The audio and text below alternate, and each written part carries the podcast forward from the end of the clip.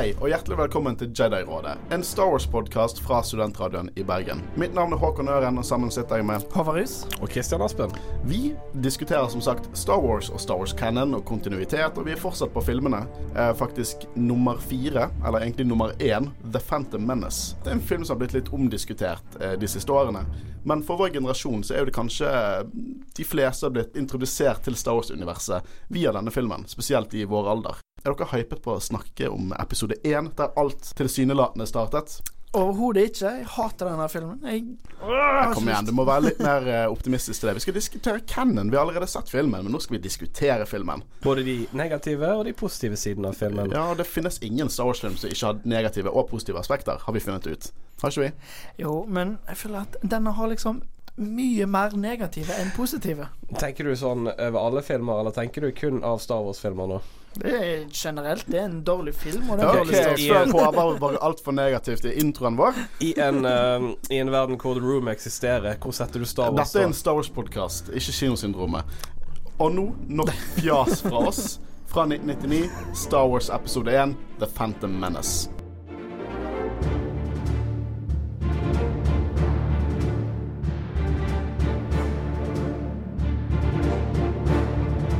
Jeg må igjen minne på at dette her er en spoiler-podkast, så hvis ikke du har sett filmene, så må du slå av nå. At last we will have spoilers.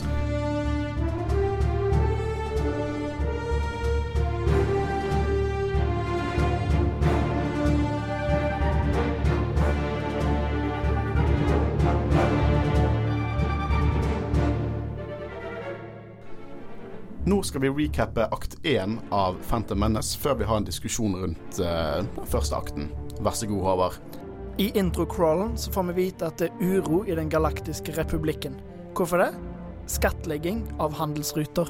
Den grådige handelsføderasjonen har en blokade mot planeten Naboo. Senatet diskuterer, mens kansleren har sendt to jedier for å ordne opp, Quaigon Gin og Obi-Wan Kenobi. Forhandlingene er kortvarige, dvs. Si at de blir angrepet før de får begynt, etter ordre fra lord Sidious. Jediene unnslipper skipet og lander på planeten Naboo, hvor Handelsføderasjonen har starta en invasjon. Her møter de Jar Binks, og etter hvert så drar de og ankommer til hovedstaden, der de møter dronning Amidala. Motvillig blir hun med mot Coruscant, hovedsetet til republikken, men skipet blir angrepet og skada på vei ut, og de må foreta en landing på nærmeste planet, Tatooine, for å reparere.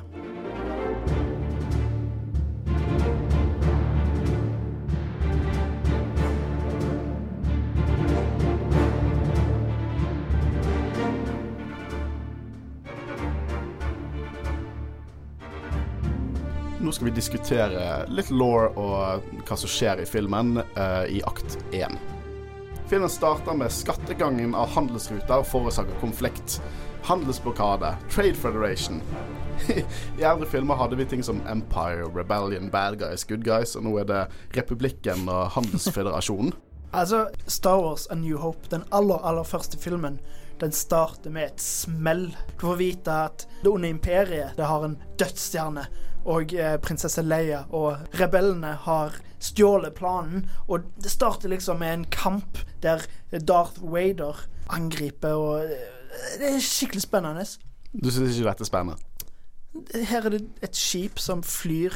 Det er jo alltid et skip som flyr. Ja, men her bare flyr det, og, det, det, og så bare Altså Her er jo forskjellen med at uh, New Hope starter jo med at Darth Vader prøver å få tilbake planene og stoppe Leia. Her åpner det med to uh, Jedier som er på et diplomatisk oppdrag. Det er jo ikke akkurat Men helt ærlig, jeg, jeg skjønner hva dere mener. Jeg er helt enig på mange måter. Men det politiske aspektet til prequelsene er ikke noe som noen gang har plaget meg. Uh, det er litt sånn som eh, de første sesongene av Game of Thrones, de som var bra. Det, det gjør at jeg tror mye mer på universet. Jeg har ikke noe problem med det politiske i Star Wars. Problemet er at det er bare så forbanna kjedelig. Det er kjedelig det- det- politikk. Du kan ikke sammenligne det med Game of Thrones, jeg- nei, som er skikkelig spennende men jeg, alt syns du, jeg syns du det er så kjedelig. Det er ikke sånn at de sitter så sinnssykt lenge inne i Senatet eller alt dette her og snakker. Det kommer vi også videre til senere. Men jeg syns ikke det er Det er ikke det som er problemet mitt med denne filmen. Nei, nei, men altså, det er bare Det, det føles ikke ut som Star Wars. Men hva er Star Wars, da? Krig i, uh, i, i, i Ja, eh, godt argument. Eh, Jeg er enig i at de politiske kan være kjedelige iblant, men eh, jeg har heller ikke problemer med det du sier, at det plottet liksom går den retningen, for det viser jo på en måte Palpatine sin race to power. Ja, og det er jo det jeg synes at uten å på en måte spoile mer av det vi kommer til å snakke om i de to neste episodene, når vi snakker om prequel-trilogien, så er det hans filmer. Det er hans på en måte eh, Når han kommer opp i makten og alt han manipulerer og sånn. Det kommer vi, eh, kommer vi til. Vi får se nå at dette skipet flyr, som Håvard så fint sa. Så flyr mot et droid control-skip, og vi ser at det er fullt av sånne skip over planeten Naboo, og det er handelsblokaden til Naboo.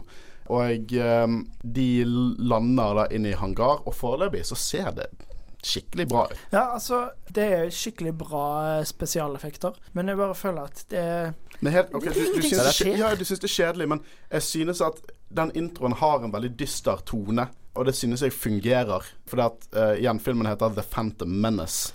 Og at det at det begynner litt stille, og du hører på musikken og alt, at det er litt dystert hva som skjer her, det liker jeg veldig godt. Og nå blir vi introdusert til uh, Quaigon Gin og Obi-Wan Kenobi. Obi-Wan har en bad feeling about this, og og Qui-Gon han sanser ingenting. Og eh, det vi ser nå, er at de, går, de på en måte har landet på droid-kontrollskipet og går inn, og vi ser eh, noe veldig praktisk. Vi ser en såpa, eh, såkalt T14, en uh, 3PO-esk sølvdroid. En person i kostyme, i drakt, som er der. Det er sånn, jeg, hver gang jeg ser noe praktisk i prequel-trilogien, for det er veldig mye dataanimert i disse filmene, så, så, så puster jeg litt ut. Jeg syns det er godt å se. Men det er jo ikke alltid det funker heller. Uh, for eksempel de som er med i denne handelsføderasjonen, de aliensene der, de ser skikkelig kule ut. Det er et kult design på dem, men må, altså når de snakker, så ser nesten ikke munnen eh, bevege seg. Det føles liksom stivt og unaturlig. Og Ja. Så virker de teite og dum. ja, de virker Det er jo Her kommer også en annen ting inn som George Lucas har eh, feilet litt på. Han er veldig glad i å ta liksom stereotypier fra enkelte liksom type mennesker fra ulike nasjoner inn her. Og dette er helt klart japanske businessmen in space. De, de snakker i en aksent som er japansk. De til og med ser litt sånn ut som eh, noe sånn tradisjonelt japansk eh, kostyme. Litt sånn som shoguns fra samuraitiden. Eh, og det du sier om at de ser veldig sånn eh, eh, Den der robotmekanikken der for å få munnen til å bevege seg, er ikke så bra. Men i løpet av de årene ta, tok å produsere disse filmene for disse karakterene, i hvert fall Newt Gunray, som er lederen av denne blokaden, han, han blir bedre. Det ser mye bedre ut i Attack of the Clones og enda mye bedre ut i episode 3. For jeg har sett behind the scenes, og da går de i hvert fall inn på hvordan de utviklet videre. Så det, det blir bedre. Jeg, eh, men jeg, jeg sier ikke meg uenig. Så tenker vi oss tilbake til originaltrilogien. Sånn Admiral Akbar. Det, det er ikke sånn sinnssykt masse følelser i det fiskefjeset. Nei, nei, men munnen beveger seg i hvert fall på nokså realistisk! Eh, så han sier sånne ting, da. Uh, men vi får i hvert fall se Obi-Wan og Quaigon som kommer inn her og venter på å holde dette møtet. Og eh, man merker her at Obi-Wan ikke er like Han er ikke like erfaren. eh, som Man merker det allerede på hvordan han snakker med mesteren sin. Eh, han sier at han har en dårlig følelse på dette, og Quaigon han er litt mer chill. Jeg føler at Quaigon er Hvis det fantes en stoner Jedi, så hadde Quaigon vært han som røyker uh, space weed. Han har langt hår, han er stoic, han, han driter litt i liksom hva som skjer. Han virker faktisk litt skje, Han kjeder seg litt. Han sier at Obi-Wan skal være klar over uh, the living force og holde seg i øyeblikket, og ikke For Obi-Wan sier allerede her at han senser et eller annet. Han senser noe, noe som nærmer seg, en fare. Så Obi-Wan sier så å si det. Det kommer til å skje noe Et eller annet eh, i denne filmen kommer til å skje. Det er noe skjult som er bak eh, gardinene her. Og Quaigon er bare sånn eh, Altså, eh, jeg har aldri tenkt på det du sier nå, og jeg liker veldig godt eh, Liam Leeson som uh, Quaigon Jinn, Det gjør jeg òg. men det hadde vært litt, gans- ganske kult med Jeff Bridges som The Dude. som Quaigan sin. Også Kurt Russell som Han Solo. Det er mange av disse her Det er Christopher Walken som Han Solo. Alle folk som faktisk var opp for å få rollen. Ja, jeg er jo enig i at Liam Neeson er kul i rollen, men han er jo en Altså, jeg vil påstå han er en av de smarteste Jediene. Det er jeg helt enig i. Eh, for han er jo egentlig tenkt lenger enn Yoda, på en måte, der. For det er jo han som eh, forteller Yoda om eh, livet etterpå. Ja, det, og det, det har jeg faktisk eh, tatt med senere. Det er jo som sagt, vi snakket om dette i episode to når vi snakket om Empire.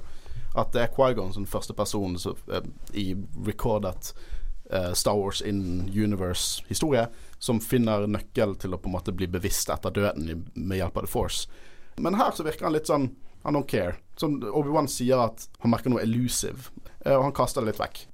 Dette er første gang vi ser en padawan, eller denne filmen er første gang vi bruker begrepet en padawan. Eh, og hvordan ville dere forklart en padawan til de som på en måte ikke husker det eller vet det? Lærling? Ja, Jedi-lærling. Det, det, er en Jedi in the making. Uh, og uh, det, er nest, det, er vel det yngste nivået youngling, og så er det uh, Padawan, så det er Jedi Knight osv. osv. Ja, de begynner vel så, jeg vet ikke jeg, fire-tre år? ja, sånn, ja det, det, skal vi også gå inn på senere. ja, han kaller føderasjonen feiginger. Quaigon kaller han de feiginger, og at uh, forhandlingene vil være korte, for de er så feige. Han virker liksom ikke helt som en Jedi. Han er litt sånn arrogant. For det, ja, jeg er enig i at Quaigon er på en måte Han skjønner litt mer enn det The Jedi-organisasjonen skjønner, men han er også superarrogant. Det ser nesten ut som han kjeder seg på et oppdrag som handler om administrasjon og sånne ting. Men det ser vi jo igjen seinere i filmen òg, for han trosser jo rådet òg veldig ofte. Ja, det er det han gjør. Eh, og i hvert fall det jeg la merke til at han kjeder seg sånn. Jeg sammenligner det litt med Jeg har en god, god parallell her til vår ekte verden. For det virker som dette er ikke første gang Jedi har blitt sendt ut til å gjøre sånne teite fredsmeglingsoppgaver. Det virker som Quaigon syns det er kjedelig. Han forventer at det skal gå over fort. Og jeg føler det er litt som at FN kjeder seg under en sånn krise i et utviklingsland. Sånn, hvorfor er det ikke granater og raketter her? For med en gang det blir action, så bare lyser Quaigon opp. Drithappy, liksom. og her begynner min teori om Quaigon. Jeg tror at han setter alle disse brikkene in motion i hele Star Wars-sagaen. Det er han som begynner dette her. Indirekte skaper alt fordi han kjedet seg. Jeg har ikke merket hvor mye mer liv det er i han etter han får trekket opp sitt grønne lightsaber. Det er mye Det, det, har, det kommer tilbake til den. Bare hold den tanken. Jeg kommer tilbake til den i løpet av, uh, av sendingen. Handelsføderasjonen de er jo litt nervøse for at det er Jedi-riddere som er her. Det er vel kanskje ikke en vanlig ting. I hvert fall ikke fordi de forventet vel at det var to papirdyttere som skulle komme og snakke med dem. Ja, for de er jo blitt fortalt at det er ambassadører, uh, så når de plutselig finner ut at det er jederiddere, det er jo Jeg hadde i hvert fall blitt litt skjelven. Ja, og så har jeg også det at jeg også føler at det er litt teit hvordan republikken blir sett på. Liksom Metaen at vi ser på republikken som the good guys, og separatistene som the bad guys. Eh, paralleller til Rebels og eh, Empire. Men republikken er litt sånn proto-empire, syns jeg, på veldig mange måter. Igjen her prøver de å manipulere en lokal konflikt ved å sende på en måte eh, maktgale krigermunker eh, inn for å bare ha forhandlinger. Jeg føler det er litt som at du, du, du sender en, liksom, en Seal Team 6 for å på en måte utføre en liten løse opp en liten konflikt, og så flasher han liksom riflen sin til de og bare sånn hva, hva, hva, forventer de? Det virker jo ikke som at de var innstilt på en fredelig, eh, fredelig diskusjon her. Det virker jo at de sender to riddere inn dit. Og ja, og det synes jeg også at republikken er litt paralleller til USA på til tider. Hvordan de skal på en måte blande seg inn i ting. Og tilsynelatende er dette kjempepositivt, og de prøver å hjelpe dem, men jeg føler at det er, det er røtter der til hva som kommer til å bli The Empire, og at de på en måte har lagt seg opp til å lett kunne bli manipulert av en person som Palpatine. Men nå får vi se første gang Darth Sidious, og uh, første gang det navnet blir, blir nevnt i canon. Uh, og det ser ut som det ser ut som OG uh, eh, Emperor. Han har stemmen. Det er helt klart keiseren vi sist så i episode seks. Han sier at de skal begynne invasjonen da, av planeten, for nå har de bare stått klar. Hans føderasjon har stått klar til å, til å ha egentlig bare en blokade, men han sier at de skal invadere. Trade Federation synes, eh, tenker jo at det er ulovlig, men uh, Palpatine sier 'I will make it legal', så jeg syns det er dritkult. Og det viser det at han har, han har nok et par eh, hender inni hva som skjer i republikken også. Og uh, nå er jo det det at uh, skipet som de kommer blir sprengt. Og vet du hva? Når det skipet blir sprengt, en praktisk effekt. Det er miniatyr som blir sprengt. Yep. Stemmer det. Veldig, mm -hmm. veldig kult. Ja. Det er kjekt når de bruker miniatyrer eh, i Star Wars. Det, det ser så mye bedre ut. Det, ja, det er synd at de ikke gjør det så ofte i disse, disse filmene, men nå er det i hvert fall eh, praktiske effekter som er godt å se. Eh, og nå får vi se den mest fryktinngytende fiende som finnes. Det er liksom Battle Droids. så hva synes dere om Battle Droids? Roger, Roger. ja. Eh, Spinkle og ikke skumle i det hele tatt. Nei, Og så eh, forteller de Det er ikke akkurat vitser, men de har puns og liksom De, de er klumsete. Så Det ser ut som sånn hvis en transformer fikk et barn med en maur. Så har du liksom Så, så de svaier litt, sant. Og disse drøytene, som er på en måte hele armeen til Trade Federation, for Stormtroopers å virke til, som Seal Team 6. Det får Stormtroopers til å virke mer badass. For det, de er i hvert fall litt fryktinngytende, og de treffer av og til. Disse her er bare sånn de kan stå 100 droids, og så er du én Jedi som slenger ned alt. Vi vet at vi har spilt det i 1000 Star Wars-spill. Det har ikke noe å si hvor mange droids vi er imot. Vi dreper alle sammen. Jeg syns de er veldig artige å se på, da. Det skal de ha. Ja, men de, de, de er ikke fryktinngytende i det hele tatt. Når du, De virker dere, ok, harmløse. La oss si at vi eh, Dette var i 1998, og så hørte vi at fien, liksom, hovedfiendene i prequel-trilogien skulle være battle droids. Hvor kult høres ikke det konseptet ut? Battle droids. Vi har sett en assassin droid i IG88 Empire, og så nå battle droids, og så kommer disse jævla her. Altså, det, det du eh, sa, Christian, det, jeg føler det er mye av problemet med Phantom Menace. De ser artige ut.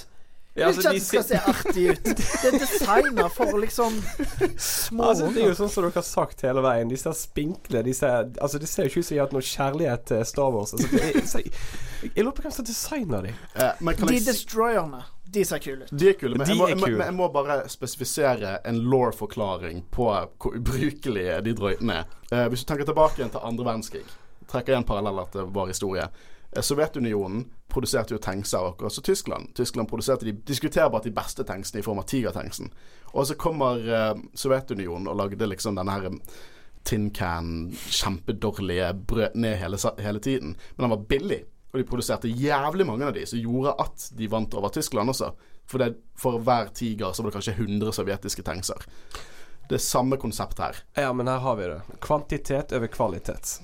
Føler Altså, det. fra, fra et law-messig eh, blir for real, ass. standpunkt, så det gir mening. Det, de ser billige ut, men det gjør ikke at de liker de bedre. For Det verste er at dette er den filmen der jeg liker de droidene best. Fordi at Clone Wars gjør de helt Å, de er så dårlige. Det, det er som at du bare, du bare kopierte Jarja Jar Binks og jo, ga liksom hans personlighet til en armé av droider. Det er helt jævlig. Men, Men- jeg, vil, jeg vil påstå at de har bedre aim enn Stormtroopers. De burde hatt det. For det, det er programmert, vil jeg tro. I hvert fall. Igjen, droidicastene er kule. Eh, de er, I notatene mine står det at droidicast, eller destroy droids, er cool though. For det er de.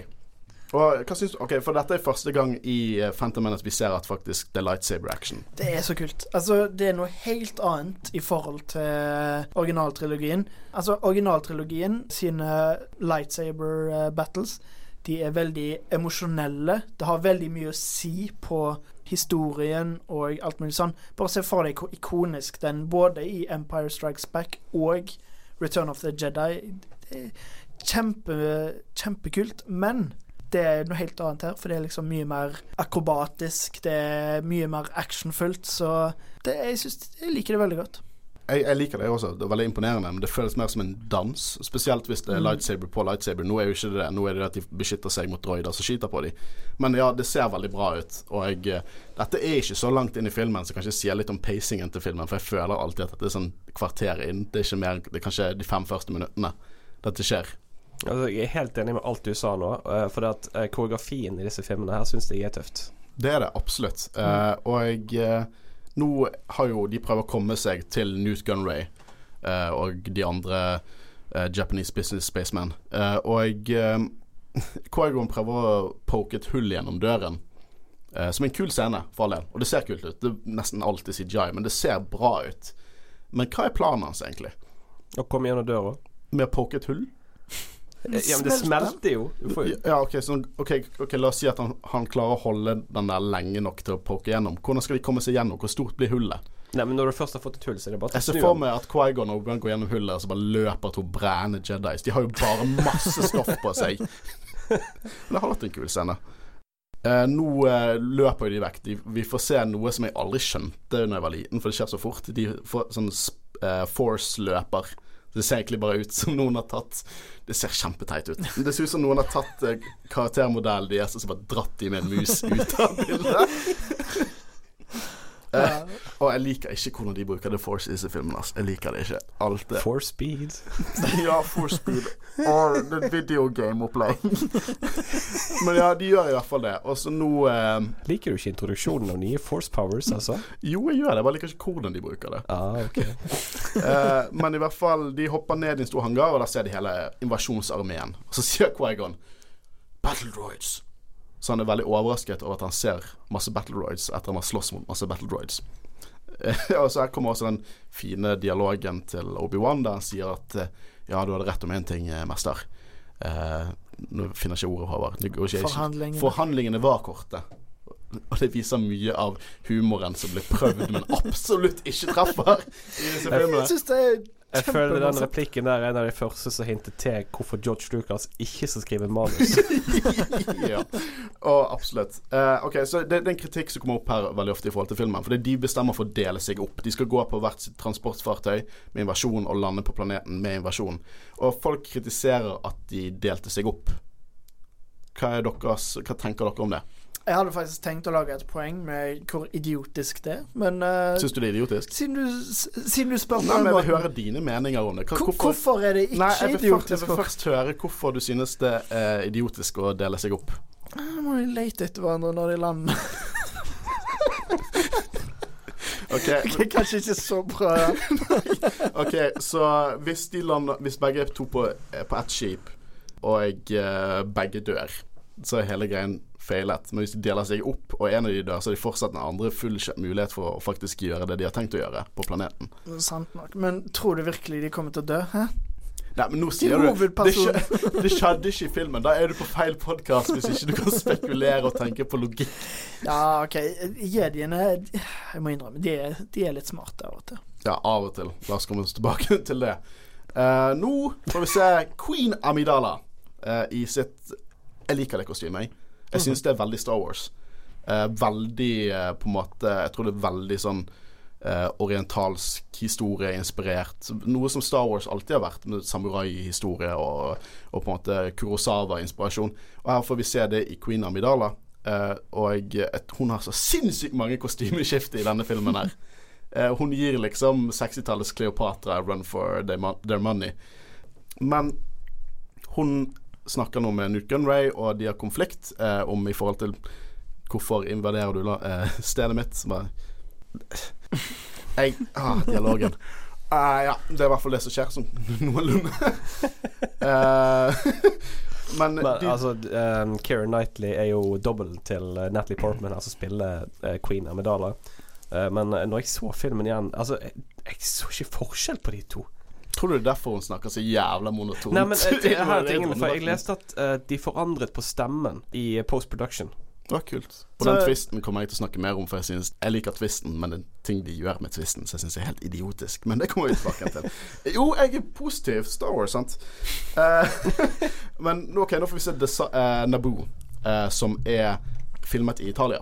eh, med naturlig lys og greier. Jeg, jeg føler at øynene mine får en pause når jeg ser det naturlige lyset.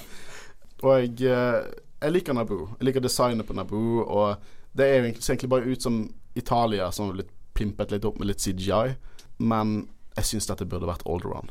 Det hadde gjort at episode fire var mye mer Når Alderon sprengte, så hadde det vært mye mer eh, impactful for oss uh, som ser det, og vite på en måte Vi har vært tre filmer der vi har drevet og besøkt Naboo og alt dette her. Men det er en egen planet. Og eh, ja, dette er, jo, dette, er jo ikke en, dette er jo ikke en klage eller sier at det er dårlig. Jeg bare synes at det hadde vært bedre hvis det var Alderon. Ja, og Hvis ikke burde vi jo blitt introdusert til den planeten siden vi får hint til den i episode fire. Så da er jeg helt enig med deg. Hmm. Ah, Jeg vet ikke helt hva jeg syns om det, fordi eh, jeg føler liksom at det er så mange ting i denne filmen som føles veldig ut som eh, fanservice. Og det føles ikke naturlig ut i det hele tatt. Sånn, Vi kommer tilbake til det, liksom møtet mellom eh, Anakin og Obi-Wan Kenobi, C3PO og R2D2. Det føles bare latterlig. Så hvis det liksom plutselig bare Å ja, ja, dette, dette er Alderon. Men det handler jo ikke om fanservice. Det handler om å på en måte få oss å bry oss mer om noe. Ja, selvfølgelig er det fanservice, men er all fanservice dårlig? Nei, nei, men uh, jeg tror at eh, Jeg er redd for at det ville føltes veldig unaturlig ut hvis de hadde brukt det, Alderon. jeg føler det er litt lett å si etter vi har på en måte sett filmen, og vi har den meningen vi har Eh, om filmen. Selvfølgelig. Ja, for vi har jo eh, òg han senatoren, hva heter han, han som er fra um, altså, Bale-organet. Bale-organet. Ja. Han er jo med her, sant. Mm. Så jeg føler det har vært litt naturlig at jeg faktisk viste planeten i forhold til at han har en så stor Ja, ja. rolle i disse filmene. Men ja, han blir jo bare nevnt i denne filmen, da. Men uh, Men jeg, er ikke med? nei, han blir nominert. Det går vi videre. Nå hopper vi Nå, nå, nå holder vi oss kronologisk her. Nå du, du om Bale Antilles. Jeg snakker om Bale Organa. Ja, men det var ikke Bale Antilles som ble nominert, da? Nei, Jo. var det Bale Antilles? Ja. Serr? ja. Bale Antilles of Alderon. Ja, selvfølgelig gjør det det! Ja, beklager. Jeg så filmen, jeg burde vite det. Jeg bare hørte Bale, altså Bale Organa. Alle heter Antilles. Det er Smith-navnet i Star Wars-universet. Er tydeligvis flere som heter Bale òg. ja. OK, men eh, nå um, Jeg kjøper ikke, for nå, nå får vi se en lite scene der For det er det prequel-trilogien gjør veldig ofte. Jeg driver og vifter med hendene mine for jeg er så engasjert. Det er det at Josh Lucas ville at scener skulle virke som du på en måte hoppet inn midt i scenen, og de var midt i en samtale. Men det føles aldri sånn ut. Det føles som at skuespillerne går, og så går kameraet på, og så sånn OK, nå begynner vi å snakke. Og det samme her når de sitter og snakker med eh, senator Palpatine, altså Sidious. Men de vet jo ikke det. De tror han er bare senator Palpatine fra Naboo. De snakker med han i eh, et hologram. Og når jeg var liten, så var jeg helt sikker på at det hologrammet var et opptak. Fordi folk bare står og ser på han, og så sier han ting. Og det føles ikke ut som en dialog to, to mennesker eller to grupper mennesker har med hverandre. Og jeg husker da jeg var liten, tenkte jeg det også. Eh, så jeg vet ikke om hva dere synes om det aspektet der med dialoger i prequelsene. For det er et stort problem. Ja. Det er veldig mye gale med prequelsene, men jeg føler at dialogen er egentlig noe av det verste med det. Hvis George Lucas hadde klart å skrive naturlig og bra dialog, det hadde gjort mye for Jeg filmene. tror det har gjort veldig mye for Attack of the Clones, i hvert fall. Eh, men i hvert fall nå, eh, nå sier eh, guvernør Bibble, tror jeg han heter, han med den fantastiske skjegget Han sier at For denne samtalen med Palpatine brytes, brytes ned. For Palpatine er jo på Coruscant, så de snakker gjennom hologram, og han sier det at uh, Og kommunikasjonen nede, kan bare bety én ting invasjon. så jeg tenker at Nabuma var sånn det beste internettet noensinne. Så det eneste muligheten for at den, den kommunikasjonen med andre planeter bryter ned, er invasjon. Så Men jeg har et spørsmål. Rett før uh, så så vi jo at uh, Amidala snakket med Handelsføderasjonen på sånn der stor FaceTime-skjerm. Ja. Hvorfor bruker de hologram, da? Er det, har det noe med lengden? Ja, ja, å men gjøre? så hvorfor bruker jeg Android når eh, en av dere bruker iPhone? Nei, ikke meg. Ja, hvorfor bruker vi iPhone? Nei, Android er ikke iPhone. Nei. Så det er bare det, ja? Ja, det er forskjellig Det er forskjellige teknologier der inne. Kanskje, kanskje det der uh, FaceTime-greiene har en sterkere kommunikasjon eller bedre å bruke. Litt sånn som når du har internett, sant, så har du vanlig wifi, og så har du, har du den der 5G-wifien som på en måte er bedre for lengre avstander, men det er ikke like sterkt som vanlig wifien. Og jeg vil påstå at å se Darth Sidious på et hologram ser litt tøffere ut enn å se på FaceTime. Det, var, det, er ting jeg kan forklare. Når folk nitpicker ting eh, om Star Wars, var sånn det første argumentet mitt er fordi det ser kult ut. For det er egentlig det som er det beste argumentet å bruke. Fordi det ser kult ut. Ser kulere ut. Eh, nå er det invasjonen. Og invasjonsscene Jeg elsker invasjonsscene. Musikken, eh, alle skipene som drar ned eh, og lander i skogen, og lyden, lyden i denne filmen er kanskje bedre enn noen av Star Wars opp til da. Jeg synes liksom fantastisk lyddesign. Og eh, fantastisk design på masse. Kanskje ikke drøytene, men masse annet. Skipene drøytene bruker, er veldig kule. Ok, så nå eh, har Quaigon Qui-Gon kommet seg ut av skipene, og skipene drar inn mot skogen. Du ser alt dyrelivet driver og løper vekk fra det. Og så ser vi Jar Jar Bings. Den kuleste karakteren ever. Og i notatene mine står det 'Star Wars mest hatede individ'. Det bare kutt jeg sa sånn. Eh, det som er morsomt med Jar Jar, før vi går inn på Jar Jar, er at Jar Jar Bings skulle egentlig være en badass dusørjeger. Det var det som Seriøst? Ja. Og jeg, Ah, jeg synes du skulle Bare tenk hvor annerledes vi hadde tenkt på over navnet Jar Jar Binks. For det, når vi tenker Bobafett Nav Navnet Bobafett høres tullete ut. Boba. Det høres ut som en feit pug. Liksom, men vi tenker at han er badass fordi han ser kul ut, og han gjør ingen teite ting. Men Jar Jar Binks liksom, Jar, ordet Jar, Navnet Jar Jar Binks og Boba Fett er i samme liga, hvis du tenker vekk alt rundt karakterene, bare navnet. Jeg vil bare slenge inn en fun fact til der, med at uh, Nå husker jeg ikke hva heter skuespilleren som spiller Jar Jar. Han som måtte ta på seg kostyme. Ja, det burde jeg kunne. Men, Men, du, eh, du er produksjonsgreien vår. Eh, eh, Ja, nei ehm, For originalt eh, så hadde George Lucas en annen i tankene, noe som jeg syns var veldig spesielt. Men Michael Jackson Oh.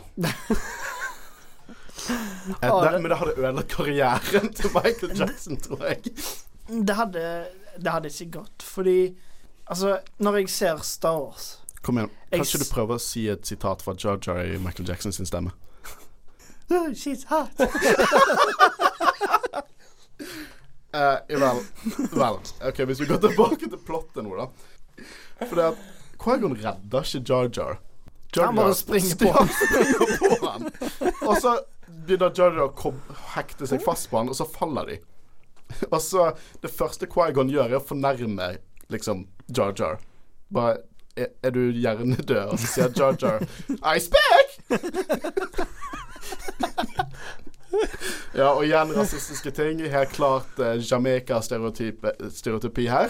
Eh, sier i hvert fall kan du argumentere for. altså, vi, det er en annen ting jeg vil påpeke, for nå har vi snakket veldig mye negativt om design og alt det der. Droid-speederne, eller step-speederne, jeg digger de. Jeg hadde de som leker da jeg var liten, og jeg syns de var dritkule. Jeg, synes, jeg får fortsatt litt sånn nostalgi når jeg ser de, eh, de, eh, det designet. Det er fortsatt de teite battle droidsene som er på. Jeg må innrømme at jeg likte battle droids da jeg var liten. De i Lego var det beste. Uh, jeg vet ikke hva dere synes. Er dere, hater dere fortsatt på designet? Eller hva? Når jeg var liten, så var det veldig gøy. Når jeg spilte episode 3-spillet til PlayStation 2, så var det veldig gøy å drepe de droidene, i hvert fall. Episode 3-spillet var amazing. da Ja, det var kjekt. Men ingenting slår Battlefront 2. 2017, eller? Nei, nei, nei. Originale.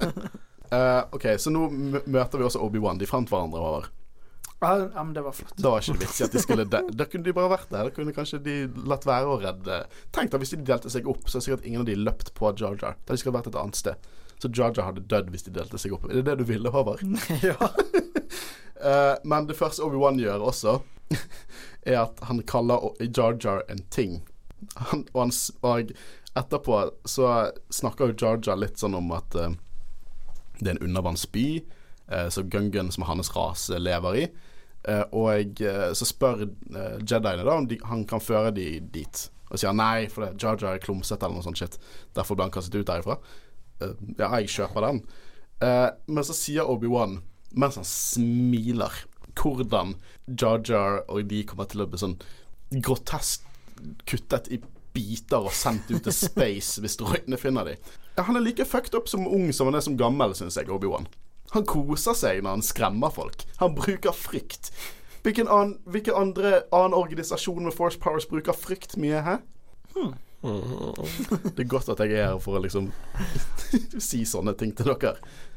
Ok, Nå får vi se at de, de faktisk drar ned til uh, Gungan City, og uh, Jar Jar tar dobbel salto og sier sånn «Woo, woo, woo», Hopper ned. Og uh, Jediene uh, begynner å svømme med sine Jedi robes. De har jævlig mye klær på seg. Når jeg gikk på ungdomsskole, og vi hadde en sånn Vi hadde svømmetimer. Og vi skulle en gang svømme med klær på for å på en måte vise hvor tungt det var. Jeg hadde på meg jeg hadde på meg, jeg hadde på meg Jeg burde ikke ha på meg jeans, men jeg hadde på meg jeans. Så jeg hadde hatt en joggebukse. Jeg hadde på meg en jeans og en T-skjorte. Jeg sank. Jeg sank rett ned. Men altså, hvis de kan springe fort pga. The Force Så tror du de. Force-svømmer. Force heter den. swimming. Eh, I hvert fall Jeg liker veldig godt designet på den byen. Mm. Og musikken og alt. Altså, Gungans i seg sjøl Jeg har ikke noe imot de. Jeg syns de er kult design og alt mulig sånn. Det er egentlig bare Jar Jar som ødelegger Ja, ja. for dem. eh, For det med en gang de kommer til byen, så kommer eh, OK, dette er skrevet ned, for jeg glemmer alltid navnet hans. Uh, Captain Tarples. Som en katt. trouble now, Jaja. Høres ut som en katt. Eh, ja, i hvert fall han uh, Alltid syns han var litt kul. Han rir på den lille dinosauren sin, og han har på en måte noe sånn skjeggting i sånn, sin torsk, hadde to bein. Eh, det er kul. Eh, og vi blir interessert i Bosnas.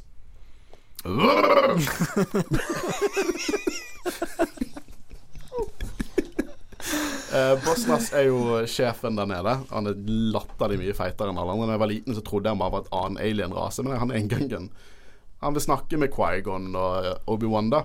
Og eh, Quaigon bare mindtricker seg ut av det. Igjen litt shady bruk og manipulere andre.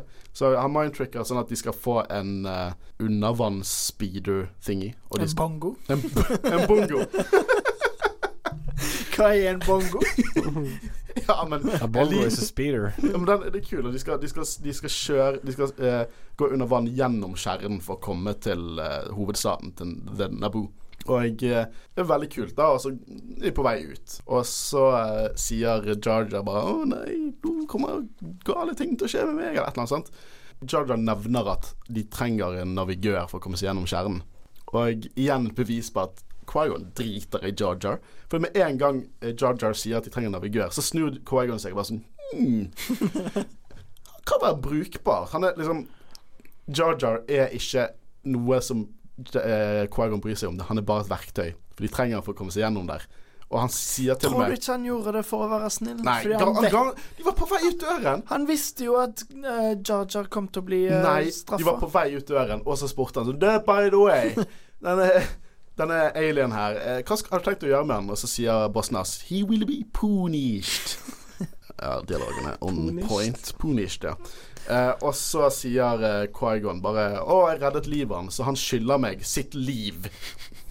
Og igjen, jeg lurer på om Quaigon drar dette ut av ræven sin, for han nevner begrep som life depth. Nei, men eh, er- nevnte vel det tidligere i filmen. Når han først redda han, så sa han hmm, Yusa, save Misa life! Misa oh, you life now! Jeg tror ikke, ja, men det, det er liksom tingene de sier. For han dro det litt ut av ræven. Litt, sånn, litt rasistisk, for han tenker at Wookies og Gungans er det samme. Sant? De har, alle har life debt. Fordi at det har Wookies. Kanskje life debt og sånn bare er en sånn stor greie i Star Wars? Ja, men ja, i hvert fall jeg syns fortsatt litt stereotypisk. Quaigon har vist seg til å være en full-blown douchebag gjennom her. Han bruker folk. Han er redder Han er ikke barmhjertig. Barmhjertighet som Jedi skal ha. Han tenker 'hvordan kan jeg bruke denne liksom hillbilly alien jeg fant i skogen'? Så han bruker han, og de hopper, seg, hopper opp i Opp i denne bongoen, hva var det du kalte det. Og jeg, eh, nå er de på vei ned gjennom skjæren, og alle disse fiskescenene forekommer. Og jeg, eh, Jar Jar sier da, mens de er helt avslappet Å, det er en gooberfish. Uh, og ja, driter litt i det. Og så kommer det en svær gooberfish. ja. There is always a bigger fish. ja. Men den svære gooberfishen hekter seg fast, og så blir han li redd for det er en stor gooberfish. Jeg føler det er litt som at du dykker over sånn Ha, en liten hvithai. Å nei, det er en stor en! Så det er samme fisk, altså? Ja, han så, en, han så en liten gooberfish, og så plutselig kommer det en stor gooberfish. Så ja, Jar prøver å få de drept, tydeligvis. Jeg syns Quaigon er litt chill her. Igjen, i notatene mine så virker det litt som han røyker space weed. Eh, og så står det bare notatene mine Kan Jar Jar holde kjeft? Spørsmålstegn, spørsmålstegn, spørsmålstegn. spørsmålstegn Jar Jar is the key to everything. Ja, han er det. Sitert direkte fra George Lucas sine lepper. Uh, og så Nå er det masse om og men med disse fiskene. Jeg tror det kommer sånn tre forskjellige fisker som dr- spiser hver, og så Quaigon sier det, det er alltid en større fisk. Uh, og så klikker du vinkel for Jar Jar, og så uh, sier uh, Quaigon relax og tar et sånt Spock-knep på han. Feil franchise, I know, men han tar han på skulderen, og så bare sånn faller Jar Jar helt ned og liksom stønner litt. Og så sier Obi-Wan You overdid it. Jeg vet ikke hva det betyr. Det høres eh, At slappet han for mye av? Den første seksuelle spøken eh, som har det, Og det er flere seksuelle Det er tre seksuelle innuendos i, denne, i notatene mine på denne filmen. For det er enkelte ting de sier, skjønner jeg ikke helt Dette er nitpick på den dialogen, og det blir mye verre senere, sånn som når Charger sier at noen er hot. Nå kommer vi tilbake igjen til Naboo. Uh, og igjen, øynene mine kan slappe av fordi at det er naturlig lys og ikke CGI. Det var som at det, Du vet når dere på en måte har vært på fjellet hele tiden og hatt solbriller på, og så tar dere endelig av og sånn Å, det er ikke sånn det ser ut. Det er ikke et filter. Det er det jeg føler hver gang den scenen kommer. Og jeg, eh, igjen får vi se mer av Naboo. Og jeg liker Naboo og alt det der, men jeg føler som de bare er i Italia. Det er til og med når de, Spesielt når de er inne, så går de bare forbi en, en statue av en løve. Liksom, en løve fra Afrika. Er det, er det, er det noe er det, det noe en ting som lever i Star Wars-universet, bare løver? Er det masse løver på Naboo? Som kan være. Sikkert. Det er sånn en 200, 200 meter lang liksom, øgle som lever under i vannet, men det går små løver, pusekatter, liksom. Kan være 200 meter lange løver. Og eh, nå er det en actionscene, da, for de kommer seg inn i byen, og det er mer droider, og de skal redde Amidala. Jeg har et spørsmål. Mm. Hvor dumme er Handelsføderasjonen?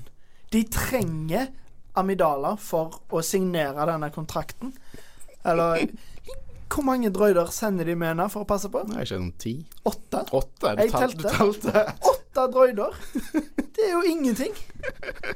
De har en hel hær. Altså, Ja, og det, den actionscenen er ferdig ganske fort. Men hvorfor i helvete Jeg skal ikke mase for mye om Jar Jar. Men i løpet av hele denne actionscenen, som er fine and all, lightsaber action, det er kult, det. Men i bakgrunnen så går han liksom Faller over sine egne bein som gjerne har langbein, og så er det liksom fokus på lydene sånn Oh, oh no! det er altfor mye slapstick i denne filmen. Det, denne filmen har et toneproblem som faen. Det, er, er, er, det, er det en politisk thriller i Star Wars-universet, eller er det prompehumor for barn?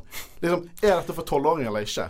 Jo, men det er jo det du ser på hver eneste konferanse eller sånn George Lucas deltar på, så er jo Star Wars det er laget for barn. Det sier han jo hver gang. Laget for tolvåringer. Ja, men Er han sikker på det? For det virker ikke som om han er sikker på det. Skal tolvåringer skjønne handelsblokader?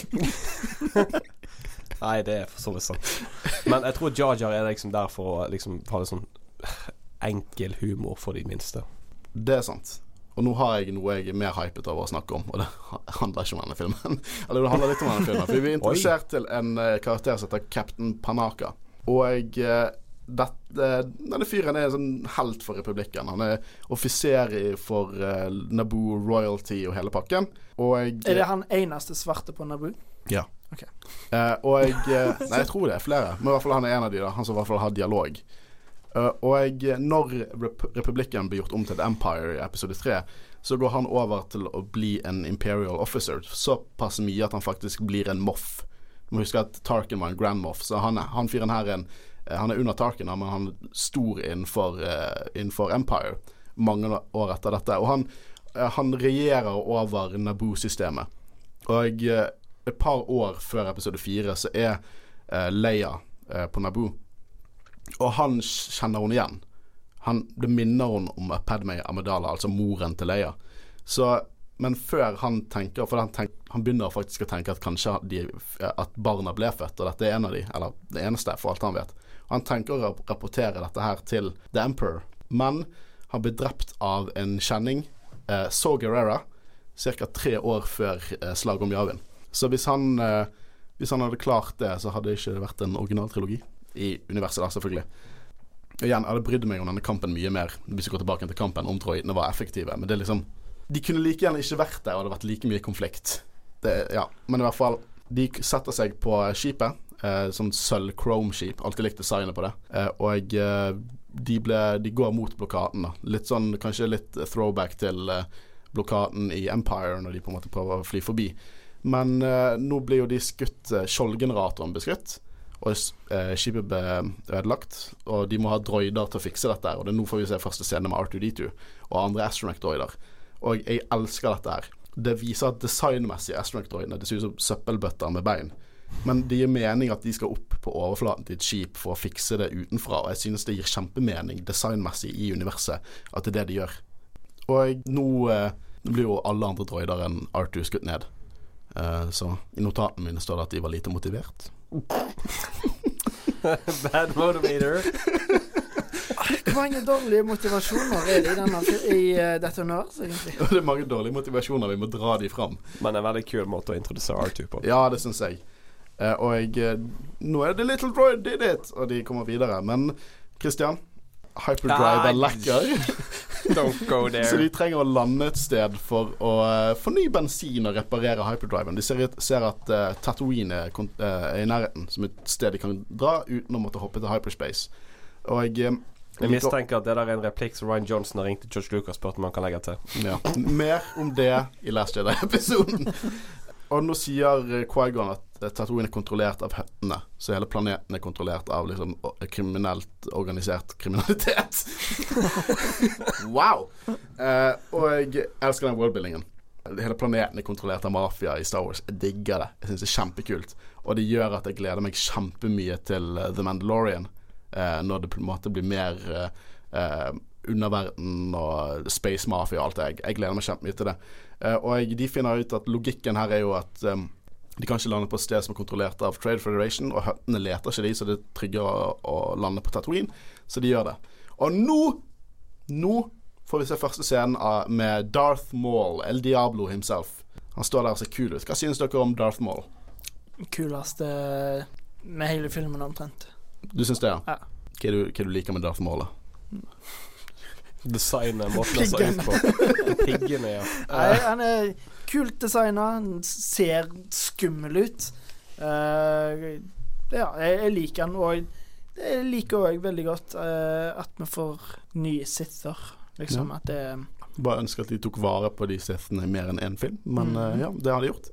nå skal vi også takke droiden, Arthur. Jeg syns ikke helt hvorfor de skal takke en droid, eller liksom takke en hammer etter vi har slått inn en spiker, men vi har funnet ut at droider er sentient, og igjen et bevis på at Luke er en slavehandler. Men og så går vi videre på det. Dere trenger ikke respondere på det. Nå er det en scene som gir ingen mening. Det er bare, igjen, Padme Amadala. Hun er dronningen, men det, okay, det er plott der hun på en måte later som hun er en handmaiden, og har en dobbel, en dobbel eh, som later som hun er dronningen, sånn at det skal være vanskelig å finne henne, og sikkert fordi at Assassins ikke skal finne henne. Men i denne scenen så har dronningen valgt å ta på seg disse hjelperobesene da, og late som hun ikke er dronningen, for å gå inn alene på et rom og vaske en droid. Det er ingen rundt henne. Hun bare bestemte seg. Den er dronningen av en planet. ja, hun har veldig lyst til å vaske en droid. og så kommer Jar Jar inn og sier uh, alt som har skjedd med han i løpet av filmen, og så kutter det igjen. Hva er den scenen? Det er lagd for tolvåringer, så Nei, de må vinne på hva som har skjedd. De har brukt tid på å kutte opp denne scenen og skrive dialog til den og legge inn CGI-en på Jar Jar for ingenting. Det er en scene som etablerer nada det, det, viser at Padme er der. Det eneste jeg kan tenke meg Ok, hun later som en handmaiden, men det at hun er en handmaiden og vasker en droid, gir ikke mening. Det jeg syns er irriterende med twisten, for det, twist, det er en twist der, og det går på bekostning av plottet. Fordi at de skal ha en twist! Den, denne scenen er for publikum til å vite at hun er kanskje ikke den hun er. Ja, jeg irriterer meg, og det er tusen sånne scener. Og nå eh, tar de og lander på Tatooine, og Padme Amidala, altså dronningen, 14 år gamle dronningen i, fra en planet der de faktisk velger dronningene sine, bestemmer seg å være med på denne gangsterinfiserte planeten. Og de stopper Quagon før de på en måte går inn til Tatooine, fordi hun har lyst til å være med. Eller han tror jo det bare er en handmaiden, eller jeg mistenker at Quagon er klar over at det er faktisk er dronningen. Men denne 14 år gamle dronningen bestemmer seg for å være med uten Bare være med for noen har lyst til å se planeten. Eh, så hun risikerer absolutt alt. Sitt folk sitt handelsblokaden, invasjon, fordi at hun er jævlig fascinert av å se en gangsterinfisert planet.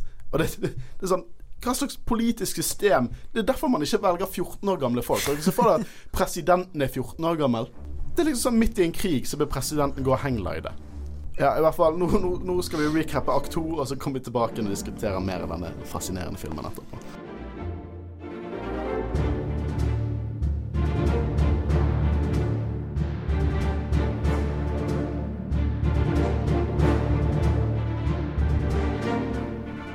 Nå skal vi ta og recappe akt to av Phantom Menace. Over til deg, Christian. Pga. skipets kjipe skader blir kompaniet tvunget til å lande på samplaneten Tatooine for reparasjoner. Her møter de en ung gutt ved navn Anakin Skywalker, som bor sammen med moren sin. De er slaver til mester Watto, en Toydarian skraphandler. Det viser seg at Watto har delene som Quaigon trenger for å fikse skipet. Samtidig føler han en stor styrke i den lille gutten som gjør at han prøver å frigjøre han fra slaveriet. De inngår derfor et veddemål gjennom det årlige podracet, som vil si at hvis Anakin vinner, så vil Quaigon få delene og gutten. Gjennom et tøft race vinner Anakin løpet, som gjør han fri. Han sier farvel til sin mor og blir med Quaigon til skipet. Rett før de kommer frem, blir de møtt av Darth Maul, lærlingen til den onde Darth Sidious. Gjennom en tøff og intens kamp kommer de seg unna. og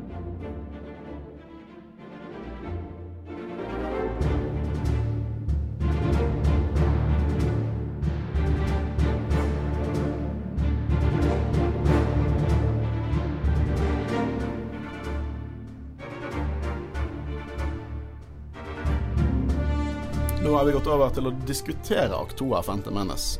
Og eh, de ankommer Tatooine. Tatooine ser ut som Tatooine for originaltrilogien. Det er on location, praktiske kostymer og statister. Dette er Star Wars. Ja. Eh, absolutt. Og eh, nå får vi møte to spennende karakterer. En som er litt viktig, en annen som er litt rasistisk. Eh, den rasistiske er Watto, en Toydarian, som du så fint sa tidligere. Og minner meg veldig om en sånn stereotypisk italiensk innvandrer til New York. Sånn Hey, I'm walking here! I'm a Toydarian! Uh, og vi møter også en annen karakter. Er ikke noe har hørt om han. Anakin Skywalker! Hva synes dere om Anakin Skywalker, soon to be Darth Vader? Å, er det det han er? Spoiler alert! What? Altså faren til Luke Skywalker, men vi møter han han er ti år.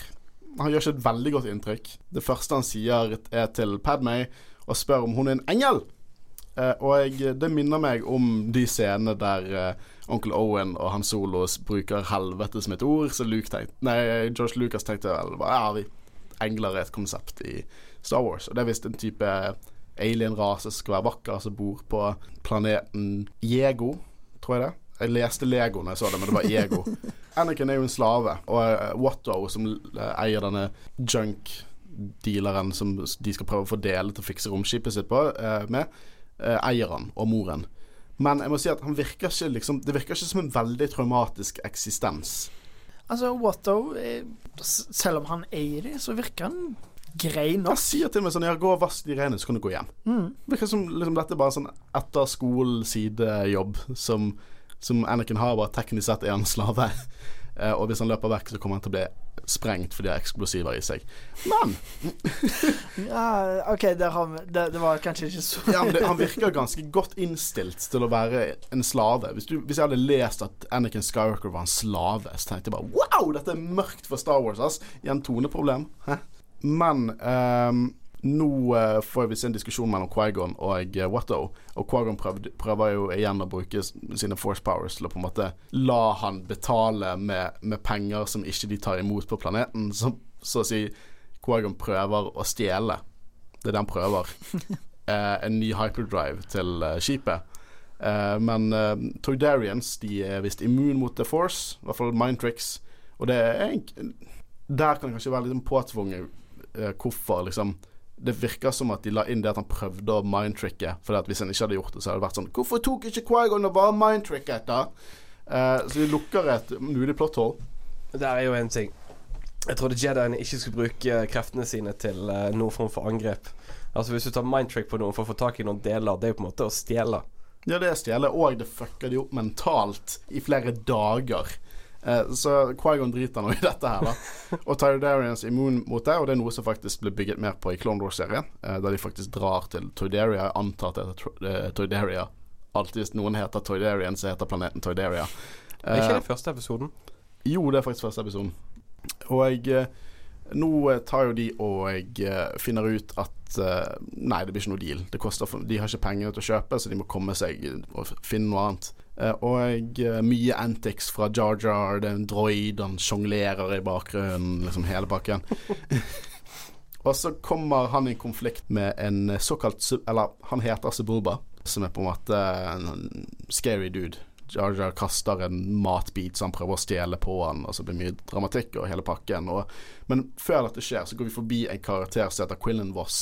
Quinlan Voss er en Jedi på veldig Nesten en ekstrem Quaigon. Han er veldig driter i reglene og sover i Jedi Academy-biblioteket og mye greier. Han er i hvert fall en stoner, hvis det er noen. Men grunnen til at det er en Jedi som sitter der, er fordi Josh Lucas likte designet. Så han retconnet at det er han som sitter der, og så brukte han designet til andre historier. Så Quillan Voss ble nevnt i episode tre. Han er med i masse Clone Wars og bøker og tegneserier. Men han er der. I universet så sitter han i bakgrunnen og ser sin Jedi-kollega gå forbi. Og så sier han ingenting. Nei. For en drittsekk. Ja, han er visst der på et oppdrag, da, om å ta imot og, og på en måte skaffe statistikk til republikken om kriminalitet i Outer Rim. Men han sier ikke en dritt, han bare sitter der. Men eh, det kan jo gi mening òg, da. Fordi hvis begge to er på hemmelig oppdrag, så hadde det vært litt dumt liksom bare Å, Quaigon Jinn, du en Kanskje jedi, du akkurat som om meg. kanskje, liksom, kanskje Quaigon hadde overlevd da, hvis de hadde tre Jedier på slutten. Men i hvert fall uh, Quaigon Jin møter Anakin for første gang. Fordi at Anakin redder uh, Jar Jar fra alt han har gjort i forhold til Sebulba. Og ja, dette er vel første første små steinene som ruller i steinraset som er ferden til Anakin Skywalker. Han møter en Jedi. Og uh, Anakin han er jo han er grei og hyggelig. Det er storm nå, dere kan komme til meg. Så han drar uh, disse, denne gamle mannen med et sverd, 14 år gammel jente og en rar alien med hjem til moren sin. Det er greit når de er slaver, men de får se, ha sin egen leilighet og hele pakken. Sant? Så ganske greit. Uh, og vi får møte Tripio. Og Tripio får møte R2. Og her har vi den fanservicen du er så stor fan av. Det føles så unaturlig. Det skal føles unaturlig at Darth Vader bygget C3PO. det, det, er unaturlig, det. det er sånn at uh, Det er derfor vi har allerede snakka mye om at uh, det er masse sånn der uh, propaganda i uh, or originaltrilogien, og at de er redde for uh, C3PO. Ja, men da som er du bygget, da. Ja, fordi de tror han sikkert er sånn assassin droid. Han vil ha han tilbake. Å, det er motivasjonene. Jeg skjønner. Han har sagt til folk dette er droiden min. Jeg bygger den, jeg vil ha den tilbake. Men, ok, Nå skal jeg bare si det som faktisk er deal her, da. Anakin har ikke bygget C3PO. Han har funnet den og reparert den. Ja, så i episode fire, når uh, C-Tripper sier til Owen Lars at en av hans første jobber var å jobbe på noe lignende sted som en moisture farm, så løy han ikke, for det var det han de var designet for til å begynne med. Og Anakin fikset han opp. Så kanskje det hjelper litt, men noen av de fanartene i forhold til originaltrilogien er sånn etter Treepio er skutt på, på, på, Cloud City, så kommer Vader inn og sånn holder hodet. Så bare sånn My old friend. det er ikke canon, da. uh, og nå begynner Quaigon å snakke med Obi-Wan gjennom en sånn kommunikator, eller en skjelett-barberhøvel for kvinner. Seriøst? ja. De tok, eh, de tok den barberhøvelen, malte den sølv, tok på litt sånn griblies, og så der har du en communicator. Og det, ja, folk bruker det sånn Å, det er ikke noe lagt inn i disse filmene. Men i originaltrilogien, alt av design der er kitbashet for andre design. De har tatt spaceship og tanks-modeller og bare satt det sammen, og så blir det noe. Og det, det synes jeg er i Star Wars-produksjonen historie. Så skjelett, barberhøvel for kvinner det er Star Wars. og det kan dere sitere meg på. Nå hopper vi over til den første scenen som viser Coruscant, altså en, en, by som dekker en hel planet. Og dette er en veldig ikonisk planet som faktisk i Legends, da, det er ikke canon lenger om de bøkene som ble skrevet før Disney, så ble den først nevnt i en bok før den ble nevnt i eh, Phantom Menace, eller vist i Phantom Menace. Og hva synes dere om konseptet og designet på planeten som er Coruscant? Jeg digger det. Det er en helt annen type science fiction, uh, på en måte. Uh, hvis dere skjønner hva jeg mener. Det er nesten som tatt ut av Blade Runner. Jeg er helt enig. Det er liksom hovedplaneten til republikken. Uh, så jeg føler liksom at det hadde vært stilig å sette den igjen i The Rise of Skywalker. Ja, jeg har veldig lyst til å se den. Vi fikk jo se litt av, av den i Rogue One, men uh, jeg har veldig lyst til å se mer som skjer der. Og nå får vi se at Darth Maul snakker med Palpatine, og han sier de få setningene han sier i filmen, at endelig skal de på en måte vise seg for The Jedi, at endelig skal de få hevn. Og den hevnen de snakker om, uh, er ganske kult, uh, for det er at flere århundrer før dette her skjedde, så var det en stor krig mellom eh, organisasjon som var The Sith, og organisasjonen som var The Jedi. To armeer av lightsaber force-brukere. Og en del av den konflikten var å kontrollere Coruscant. Og det som skjedde her, var at Jedi knuste Sith. Og den eneste personen som overlevde denne konflikten, var Darth Bane. Og det Darth Bane fant ut, var at han organisasjonen med fullt av psykopatiske krigere som alle ville ha makt, funket ikke, for det ble for mye intern konflikt. Så han fant ut at de må ha en regel, altså the rule of two. Og the rule of two er ganske simpelt at det kan kun være to Sith Lords i organisasjonen Sith om gangen. En mester til å på en måte holde makten, og en lærling til å ønske makten. På den måten så vil, når lærlingen blir mektigere enn mesteren, vil drepe mesteren sin og få en ny lærling, da vil den eh, lærlingen prøve å bli mektigere enn mesteren sin. På den måten har du en stigende kraftnivå hele tiden, og ikke fullt av konflikt i organisasjonen, selv om de dreper hverandre i sirkulasjon. Det er jo ganske stor konflikt der, da. Ja, men det er jo logikken at de blir bare mektigere og mektigere og mektigere helt til vi har nå Darth Maul og Darth Sidious, som er de nåværende læremesteren og, og, og lærlingen. Så er den, det måten de kommer til å hevne seg på The Jedi da, for den konflikten. Darth Sidious har i hvert fall vist mål eh, planeten Malachor, der et av de store plan eh, slagene foregikk. Og på en måte lærte han opp og gitt han innsikt i på en måte konflikten og smerten The Sith hadde fordi at Jedi knuste de. Så det er en del av hevnen. da Nå har de trent i flere, kanskje tusen år, og de skal endelig få hevnen sin. Uh, og det syns jeg er kult. Uh, og det er kanskje at jeg, jeg trekker litt hardt der for å gjøre denne filmen mye kulere, men det er i hvert fall det som er motivasjonen til de to, da. Nei, men altså, jeg syns det eh, Sith-plottet eh, Det er faktisk bra. Ja. Det, jeg har ingenting imot det. Det er egentlig Hele filmen er sånn at det er små deler her og der som er skikkelig, skikkelig interessante, som har mye å si for Lauren, og så er det bare masse drit. Så det er liksom Det er mye bra, men det er òg mye dårlig. Ja, det, jeg er helt enig. Eh, og jeg bare får til å gå videre nå, for nå går vi tilbake til Tatooine. Eh, og jeg, denne scenen som vi ser nå, er egentlig bare at de sitter rundt middagsbordet, og eh, Anakin er sånn her 'Har du kommet for å redde oss?' 'Jeg tror du har kommet for å redde oss', og Quaigon og lightsabers hele pakken. Men det eneste jeg har og vil ta opp med denne scenen her, er at skuespillet er jeg, jeg, vet, jeg vet at det er gode skuespillere som sitter rundt bordet, noen av de i hvert fall.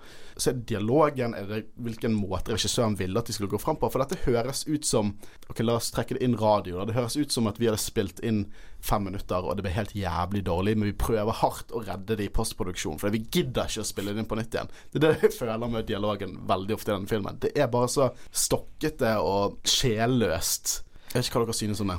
Jeg er for så vidt enig, men altså jeg har egentlig ikke noe imot både oppveksten til Anakin og bakgrunnen bakgrunnen På hans. papiret har jeg ingenting imot det, men Og jeg føler også, eh, forholdet han på en måte får med Quaigan Gin i løpet av filmen. Det så kan si hva du vil om uh, Quaigan Gin som manipulerer og er en drittsekk og alt mulig sånn, men jeg, jeg liker det forholdet de får. Det, Eh, Det er også I forhold til dynamikk og sånn, jeg liker veldig godt det forholdet de får. Jeg liker også for, godt forholdet mellom Obi-Wan og Quagon. mm. Veldig godt. Spesielt Quagon og Obi-Wan. Jeg syns det er godt gjort. I hvert fall Videre nå så tar jo Obi-Wan Quaigon og viser at han trenger ikke Jedi powers, for han manipulerer det shit ut av Watto. Og jeg, eh, nå går det inn et veddemål. Hvis Quaigon vinner for en del han trenger, han får Anakin og så vil trene han opp og gjøre han om til en badass space samurai med astma mange år senere. Så videre så eh, er jo Quaigon hos eh, The Skywalker Family, eh, og jeg, eh, han har på en måte en tanke om, om Anakin, da. Han snakker med moren om at eh, Og moren tyd viser det, beviser det så Quaigon tenker at han har force powers. Og moren sier jo det at ja, han vet ting før det skjer, og eh, refleksen er top notch. Og eh, da sier Quaigon ja, han er sterk med kraften. Hvis eh, dette hadde vært under republikken, Tatooine altså, så hadde vi funnet han tidligere og gjort han om til en badass child warrior. Og kidnappe han. Ja, kidnappet han. Jeg, jeg har ikke satt meg inn i hvordan det systemet funker. Jeg tror at Jedi, ja, de er veldig eh, Veldig på en måte barmhjertige hvem de tar inn. Men liksom her hadde de kommet til en planet, backwater-planet, og bare sånn Hei, barnet ditt. Og så hadde hun bare sånn Ja, ta han. Jeg, vil ikke at han skal være slave. Liksom Gjøre han om til en kriger istedenfor. Det er shady. Det er shady. Det er kjempeshady. Men i hvert fall det som er mest interessant her, er at vi finner ut at Anakin hadde ingen far. Jomfrufødsel. Du liker ikke det? Nei. Du liker ikke? Ja Altså, kan og nei. Nå skal ikke jeg snakke så mye om akkurat den scenen nå, men du har jo den der eh, med foreshadowing til Dark Plagueis. Altså, jeg liker jo den teorien der om at uh, dette her er uh, kanskje Darth Sidious eller Palpatine som har manipulert inn til å skape Anakin, på en måte. Og det er den teorien jeg fullblodig tror på. Og fordi at i canon så har de bevist det. Nå trekker jeg fram litt spoilers for eh, Darth Vader-komikken, den nyeste Darth Vader-komikken som heter Darth Vader Lords of the Sith. Så får han, eh, Darth Vader en visjon av sin gravide mor, og Palpatine som står bak henne, holder over magen hennes, og du ser lys eller kraft i magen. De, de vet at dette er en teori, og de bygger på det. Og det er det jeg tror. Jeg tror Palpatine har forutsatt så mye av dette her at han har prøvd å skape liv, og han har klart det med Anakin. OK, du har overbevist meg. Jeg, jeg, jeg, Altså, jeg- jeg- hvis det faktisk er det som er sant, da liker jeg det veldig godt. De har aldri sagt, de har aldri konstatert at dette er det som skjer, men de hinter til det. Og det liker jeg at de av og til gjør med, med Star Wars. Det er enda flere sånne hintinger som vi kan komme tilbake igjen til når vi tar episode syv. For da er det igjen teorier som de bare vil skal være teorier, og det digger jeg. Det, det, er, sånn, det, er, sånn Harry Potter gjør bra de gjør når de gjør det i Star Wars, altså. Jeg liker jo den teorien på grunn av at han måtte eh, lage paralleller mellom alle filmene òg. På hvilken måte da? Nei, på, på måten med at, uh, at eh, du, Anakin er skapt av Vader. Anakin blir Darth Vader. Darth Vader er liksom uh, sitt nummer to Ja. under Palpatine. Mhm. Som Nei, dog jeg, jeg, igjen blir kanskje faren hans. jeg er helt enig. Eh, I hvert fall nå, nå fikser jo uh, de podraceren som Anakin skal bruke, er alltid klart. Og senere på kveld så måler Quagon blodsukker til Anakin. Jeg mener midichlorian count til Anakin. Har han diabetes? Blodsukker. Uh, ja, midichlorians, people. En nytt, stor, kontroversiell ting. Hva føler vi om dette? Ja. Um, ja, nei Ja, det var det jeg følte om det. Ok, Husk nå at det er konsept med The Force. The Living Force, altså The Cosmic Force. The Cosmic Force er mer det spirituelle rundt det. Men hvorfor skal de måle det? Ja, det er det, men jeg har også en teori på dette, og det virker som de prøver å gå vekk fra midichlorians i de nyere Star Wars-canon. At det er en ting. Og jeg, min, min eh, Jeg kan ikke kalle det mer enn headcanon nå, men hvordan f.eks. Last Jedi viser The Force, og originaltrilogien viser The Force, så føler jeg at dette her er et bevis på hvor eh, liksom feil vei Jedi er på. De tror at de, det er krigere som blir sendt ut på fredsmegling, har masse makt i republikken, og de prøver å lage en statistikk ut av hvordan Force fungerer. De prøver å gjøre det mer basic. En måte å finne barn på, på liksom, og få dem med i det. Og jeg tror at de fokuserer for mye på, på dette at de på en måte De er ikke like in touch med The Force som de burde vært. Jeg vet ikke hva dere synes om det. Åh, det er god på å diskutere det. Kan blir litt overbevist igjen. Jeg, jeg er fortsatt Jeg føler liksom at det, det er så vitenskapelig forklaring. Jeg føler ikke at The Force trenger det. Jeg Det- liker nei, det veldig godt Jeg liker Mystic. Det er det jeg har problemet med i prequelsen, er at de bruker The Force som gjelder praktisk. mm. Det er ikke hva de gjør, men det er hva praktisk de er. Det er liksom saltoer og løping og force-svømming og hele pakken. I hvert fall etter min mening så viser det at Jedi har mistet uh, litt taket på The Force, og det er en ubalanse, rett og slett. En ubalanse at Jedi har for mye, og de har, de har fucket det litt opp, rett og slett. Og det gir uh, Sithene en sjanse til å stige i skyggene. Darth Maul har jo ankommet Tatooine, og jeg, en ting jeg alltid når jeg lurte på, er jo sånn Hvordan fant han utover på Tatooine? Men det vi fikk se i en tidligere scene, er at uh, Ok, han med, han med det nydelige skjegget, hva er det han heter? Jeg har det her. Jeg bare må finne det. Eh, ja. Du, husker du navnet hans? Ja, du har ikke skjegg du også, Christian. ja, OK, så Queen eh, Amidala og crew De fikk et hologrambeskjed fra eh, Sio Bibble. Jeg foretrekker han med skjegget. Han med skjegget, og på den måten så tok Sio Bibble og, snak, eh, og eh, egentlig satt sin dronning i fare. Fuck Sio Bibble. Eh, I hvert fall det er sånn Darth Maul fant de. Og han er på den kule speederen sin, og musikken er sånn. Det er veldig kult. Kulere enn det jeg gjorde nå. Men det er i hvert fall um, musikken til eh, Darth Maul.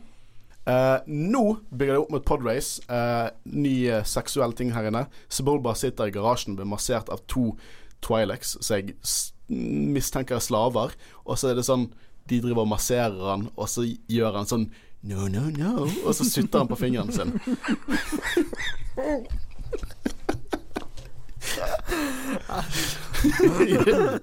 For tolvåringer. Toneproblem, am I right? Uh, OK, så nå eh, Det er jo her egentlig Quagan skal finne ut han skal få eh, Han skal få Han vil prøve å redde både Anakin og Shmi fra slavehandelen. Og han bruker The Force igjen til å Fordi at uh, Watto tar fram en sånn chance cube. Kall det en terning. Jesus Christ. I mean, 50-50. Ja, men det er sånn Kaffe er en del av Star Wars, bare det heter Cath. Cath er faktisk med i Last Jedi. Men hadde han et valg der han kunne få begge? Nei, for han, eh, han sa at ingen slave er verdt så mye, så du får enten uh, eh, gutten eller moren, og så var det Det var vel rød eller blå var for moren, og, og vice versa. Uh, og så bruker han The Force egentlig til å gjøre det. Og uh, skal vi se her Nå, nå kommer jo det inn til faktisk miniatyrarbeid. Hele tribunen i Podracer-oppsettet er miniatyrarbeid, og det er kjempebra. Hele podracing-sekvensen ser utrolig bra ut. Mhm. Det er vanvittig bra spesialeffekter. Jeg er helt enig. Og så er karakterene veldig gøy å se på. Ja, det, det er Flåklypa Grand Prix. Noe han også tok sterk inspirasjon fra. Men jeg må bare si at en scene som jeg syns er kjempekult, men de, de på en måte kutter inn en Jarda-scene som føles som et sånt slag i trynet. Eh, det er når alle disse representantene av podracerne går ut på eh, banen med flagg, og du hører musikken. Kjempekult. Kutter litt en scene der en Space Camel bæsjer, og Jar Jar liker ikke det. Why? Du, de, de har endelig en kul scene, og så må de bare spice det opp med Jar Jar. Det verste er at det er ikke den eneste poop-joken i filmen. Det er flere. oh. Ja, for han trakket jo i bæsj tidligere også, bare fordi at han skulle gjøre det. Uh, men nå får vi se at uh, Jabba the Hutt Han dukker opp med, sammen med Gardulla the Hutt. Uh, og han er annonseren med to, to hoder, så jeg hater Jeg hater han. Det er så lite Star Wars. Det var sånn Hey, Anakin Skywalker on the field! altså sånn Andre hodet snakker et annet språk. Bango, bango. Bobo, bobo. De må jo ha sportskommentatorer. Jeg må, jeg må utdype meg liksom Anatomien til den rasen. Snakker alle forskjellige språk? Er de to ulike individer? Eller er de samme sentient? Eller er de brødre som er blitt festet? Er, liksom, er dette skjedd? Blir de født sånn, eller blir de operert sånn? sånn? altså, det finnes siames... Siames... Siametiske, eller Siames... Kutt ut dette. Du skjønner hva jeg mener. Eh, vi får også se The Golden Bikini her. Gjør vi? Ja. Hæ? Mhm. Eh, Han aldri gjør det igjen. over. mm. uh, ja, så uh, Jabba sin daværende favorittlekdame uh, har på seg golden bikini, som uh, Leia kommer til å bruke senere. Vi får også se Weasel. Vet dere hvem We Weasel er? Eh, Er det han som er spilt av Warwick Davis? Det er det. Samme karakter som dukker opp i solo av Star Wars Story. Så der, Det eneste rollen han har spilt, er han har spilt samme karakter i to forskjellige eh, filmer. Det er vel òg eneste der han ikke er i et kostyme. Eh, ja. Eller han er jo i et kostyme, men du får se fjeset hans. Igjen så som du får se i solo. Um, nå, eh, nå, nå jeg, jeg, mener nå at Quaigon vet at, uh, at Padmay er dronningen. Han, eh, han på en måte Han sier sånn derre 'No more orders from the queen today' til henne, og hun er litt sånn Så jeg, er- jeg er helt overbevist over at Quaigon er fullt og helt klar over hva som skjer der. Um, Podrace. Dritkult. Mhm. Elsker det. Lang? Veldig lang? Veldig lang. Litt for lang, kanskje. Ja, men u uansett, det er kult. Det er veldig kult. Og det at det, det er inspirert av norsk film. Og det Du ser det så eh, Det er vel som, alt, det, alt som skjer, er podracer. Det er øh, Skurken manipulerer og ødelegger en ting, og de må fikse det i løpet av det. Plutselig så blir han mye raskere. Liksom, det er Flåklypa Grand Prix bare i space. Eller planet. Uh, jeg syns det er veldig kult. Og så merker jeg at Tusken Raiders er med, og de er treffsikre. Så Obi-Wan bare Imperial Stormtroopers er så precise, ikke Tusken Raiders. Full av bullshit. Et bevis på at han bare løy til Luke. Men uh, Obi-Wan, han var ikke og så på det løpet, så hvordan vet han at de Ja, Kanskje- men han han kan ikke bare dra ut ting av ræven og snakke, da. Men vi får også se en annen karakter uh, i form av Aura Singh.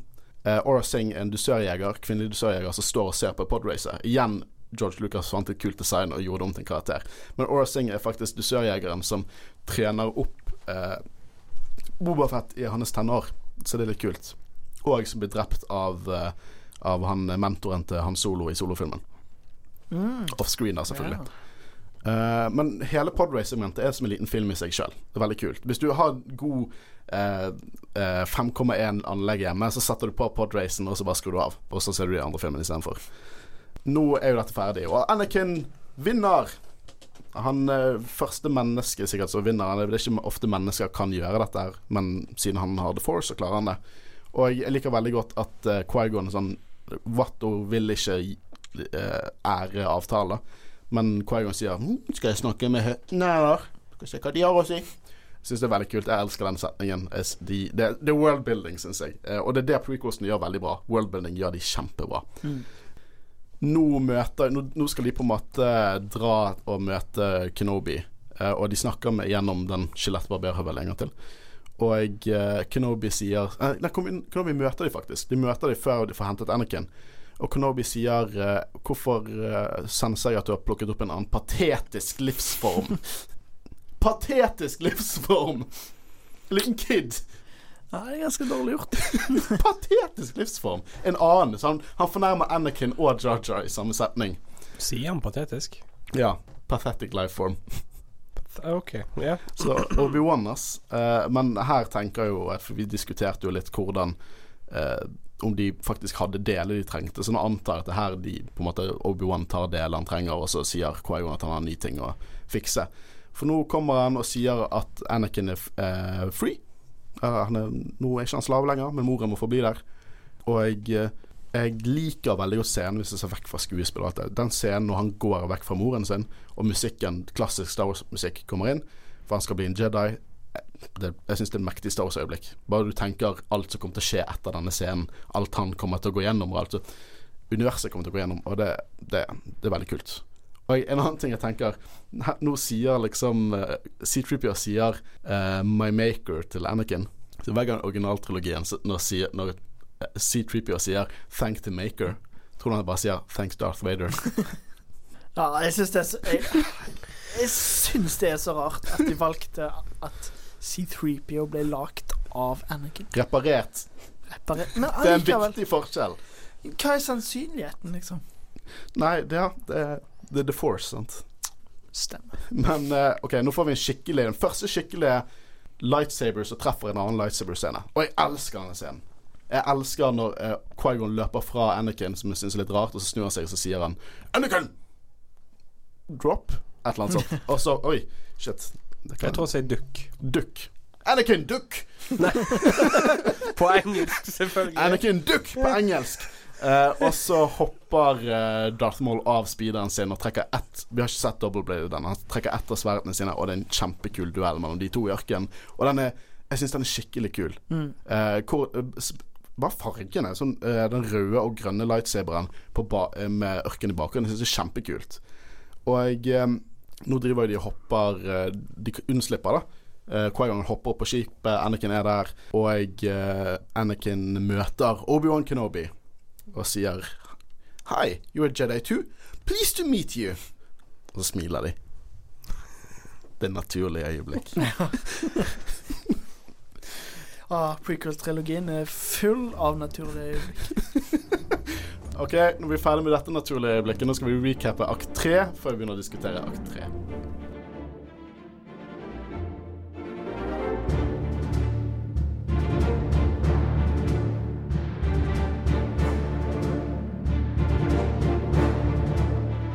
Nå skal jeg kjapt recappe akt tre av The Phantom Menace.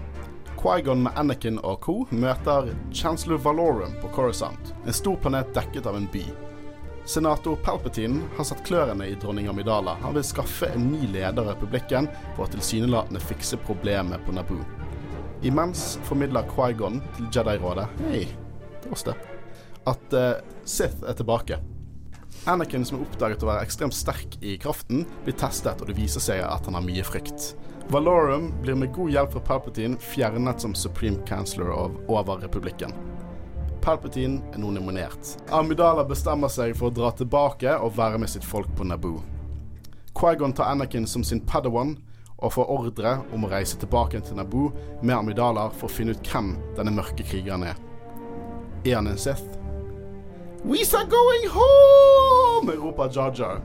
På Naboo har den ekte Amidala en møte med Gungun-hæren for å kombinere styrker. De legger en plan for å trekke droidarmeen ut av byen, for så å ta ut Newt Gunray og ødelegge droid-kontrollskipet.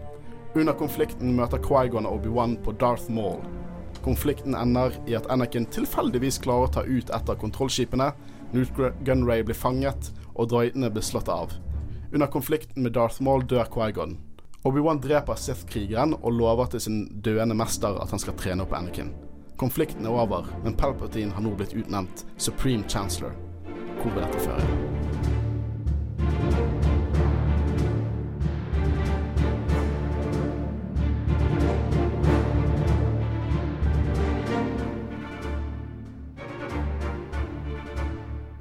Nå har de ankommet eh, Coruscant og møter eh, den nåværende Supreme Chancelloren Valorum. Og eh, de fordeler seg, så Anakin går med politikerne og dronningen for en grunn, mens Jediene går til Jedi-rådet. Hæ? Eh, Det er oss, ja. Eh, og nå sier Når de setter seg i denne speederen, eh, så setter Anakin seg ved siden av Jar Jar, og så sier uh, Jar Jar The queen is being nice, Misa things. Pretty hot.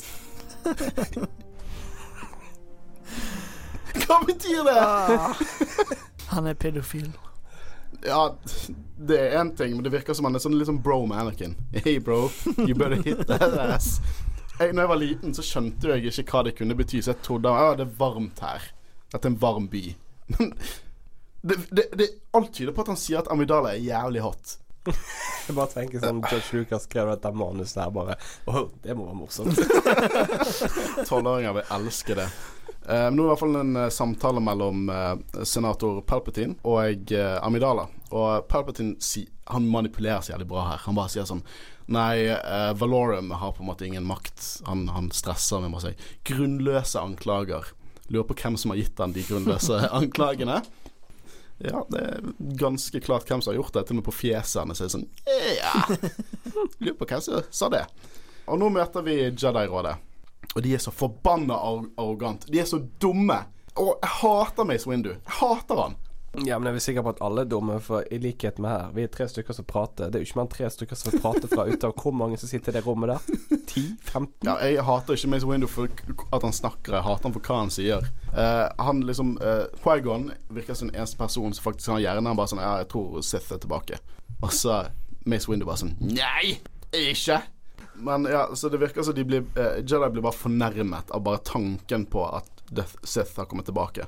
Men har du en forklaring på hvorfor eh, det sitter opp mot ti stykker som ikke sier et ord i et eh, råd som skal liksom være det som styrer Jedi? For det, det er liksom Du har Grandmaster Yoda, og så har du bitchen som snakker over alle andre. Mace Windu og sier andre er der bare for pretty. Det er bare for å være pynt. Jedi-rådet er sikkert sinnssykt multikulturelt. Det er liksom De tar inn noen fra alle steder. Det eneste Det er litt for mange Yoda-species, for dere må ikke glemme Yaddle. Som en kvinnelig Yoda som ikke sier en dritt.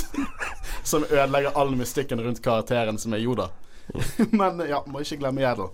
Men i hvert fall de er jo De viser veldig sterkt sånn Nei, det, det er ikke rart at Seth har klart å manipulere disse tullingene her. Og Quagon snakker nå om Tyder sterkt på at Anakin er skapt av The Force. Det er det han sier. Han er skapt av The Force. Altså Palpatine. Helt klart, helt klart Palpatine. Men han drar i hvert fall noe ut av ræven sin som The Chosen One. At Anakin eksisterer for å bringe balanse. Men hva er balanse i forhold til Jediene? Jeg har alltid tenkt at, som Luke sier i en senere film, 'powerful darkness, powerful light'. Men deres, deres balanse er jo bare kutte ut Sith. Drepe de. Så det er bare Jedi som kontrollerer der ute. For en balanse er jo en likhet, at alt er balansert. Ja, det, onde og det gode er liksom på lik linje. Så det beste linje. er jo at hvis Sith og Jedi hadde på en måte eksistert, og på, det kunne eksistere ved siden av hverandre, men det er jo det som er paradokset til dette universet, da, for de kan jo ikke det. Så i grunnen så skulle du, siden det er to Sith, så skulle du egentlig bare vært to Jedis? Yoda og Mace Windu. ah. ja, det burde jo bare vært det. Um, og nå er det diskusjon i Senatet, noe som du hater, Håvard? Nei, altså Her har jeg ikke noe imot politikken. Altså, Palpatins plan for å få makten fra Valorum Han bruker invasjonen av Naboo, som han er en senator til. Det er jo veldig tydelig at det er han som orkestrerer hele mm -hmm. den mhm. invasjonen. Dette til og med i den scenen så sitter han der og hvisker i øret til Amidala, men det han hvisker i øret eh, til Amidala, er at den personen som står der oppe og hvisker i øret til uh, Chancellor, uh, Chancellor Valorum, manipulerer uh, han. Sant? Så han gjør det sjøl. Jeg liker den. Så akkurat dette her, jeg digger det. Ja, det Denne delen av politikken har jeg ikke problem med. Men dette skjer 1 time og 23 minutter ut i filmen. Alt før det er bare altså, Det er først nå du skjønner liksom Ah, OK, det var dette, ja. Det er der, derfor det var en invasjon. Og en annen ting. Hvor lett er det egentlig å få en sånn mistillitsforsøk? Jeg vet det, for dealet er at hun Amidala, som også blir manipulert og indirekte skaper The Empire, i min mening, er jo sånn at han Valorum sier OK Uh, Trade Federation er uenig med at det er en invasjon der som virker helt idiotisk. Men det er jo også kommunikasjonssvikt, så de har ikke peiling på hva som skjer der borte. Uh, men så sier han uh, Du, er det greit om vi sender noen bort for å bare bekrefte at det er det? Nei! Jeg vil ha en ny chancellor nå! Fordi at hun kan ikke vente. Altså i neste scene, du møter Palpatine. Congratulations! ja, han er nominert, da. Men før den scenen så er det det at uh, Quaigon og Bjørn har en samtale. Og der ble det vist at Quaigon hadde sittet på rådet hvis han hadde fulgt uh, liksom Jedi-kodeksen. Uh, men her viser det som vi diskuterte tidligere, at Quaigon er over The Jedi. Han har mer peiling, han er mer in touch med The Force. Det viser også at Jedi var noe tull. Umenneskelige munker. Det er det det er. Og nå skal de på en måte trene De skal trene Anakin, og så har de oppe en sånn her liten iPad med en kopp og et skip, og så skal Anakin si så det er en kopp og et skip. Denne lille tiåringen som har bodd hele sitt liv i slavehandel på en ørkenplanet, er plutselig en svær planetdekkende by og snakker med et par sjelløse gamle menn og aliens i sitt rom, og så bare sånn eh, du savner moren din, ja? Du er redd for å miste henne? Ja, fuck deg. Du kommer til å bli dark side. Å, herregud. Er det det- rart, at, det- det, det- er rart at denne kiden blir liksom en, en, en monster senere når han er rundt sånne folk? Sånn, ikke føl noe. Hvis du, hvis du savner noen eller er glad i noen, så bare Nei, da blir du dark side. Og så gjett hva som skjer med han. Han blir dark side. Han prøver å undertrykke alle følelsene sine. Å, Jedi er så dumme. Men jeg klager på Jedi nå, men det er jo helt klart en del av plottet at de skal være dumme og ignorante. Arrogant og ignorant. Den dårligste kommunikasjonen som finnes. Og det er det som er Jedi på denne tiden. Og så sier jo Yoda There is the path to the dark side. Fear leads to anger. Anger leads to hate. Hate leads to suffering. Uh, Ja, hva Følger dere den logikken? Ja.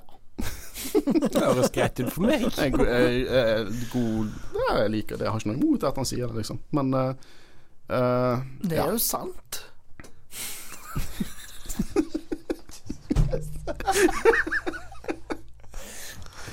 Ok, eh, og så blir det tatt opp igjen at Anakin er the chosen one. eh, og dere, tror, han, tror dere han er en chosen one? Dette er noen grunn til at jeg ikke likte det greiene med at han liksom var født uten far og alt mulig sånn, fordi jeg føler det på en måte antydes mye til Å, han er Jesus, han er liksom redningsmannen, det og Kan du forklare hvor eh, profetien kommer fra? I Legends var profetien faktisk noe som ble etablert i The Old Republic, der uh, ca. 4000 år før filmene. Dette er ikke canon lenger, men da var det en profeti. Og den mente de handlet om Anakin. Men i nyere canon er ikke det veldig godt etablert ennå. Men hele dealen er at grunnen til at det ikke er etablert, er fordi at alle har forskjellige tolkninger. Det sier Yoda i episode 3. En profesi vi kan ha feiltolket. Fordi at Obi-Wan tror at Luke er the chosen one.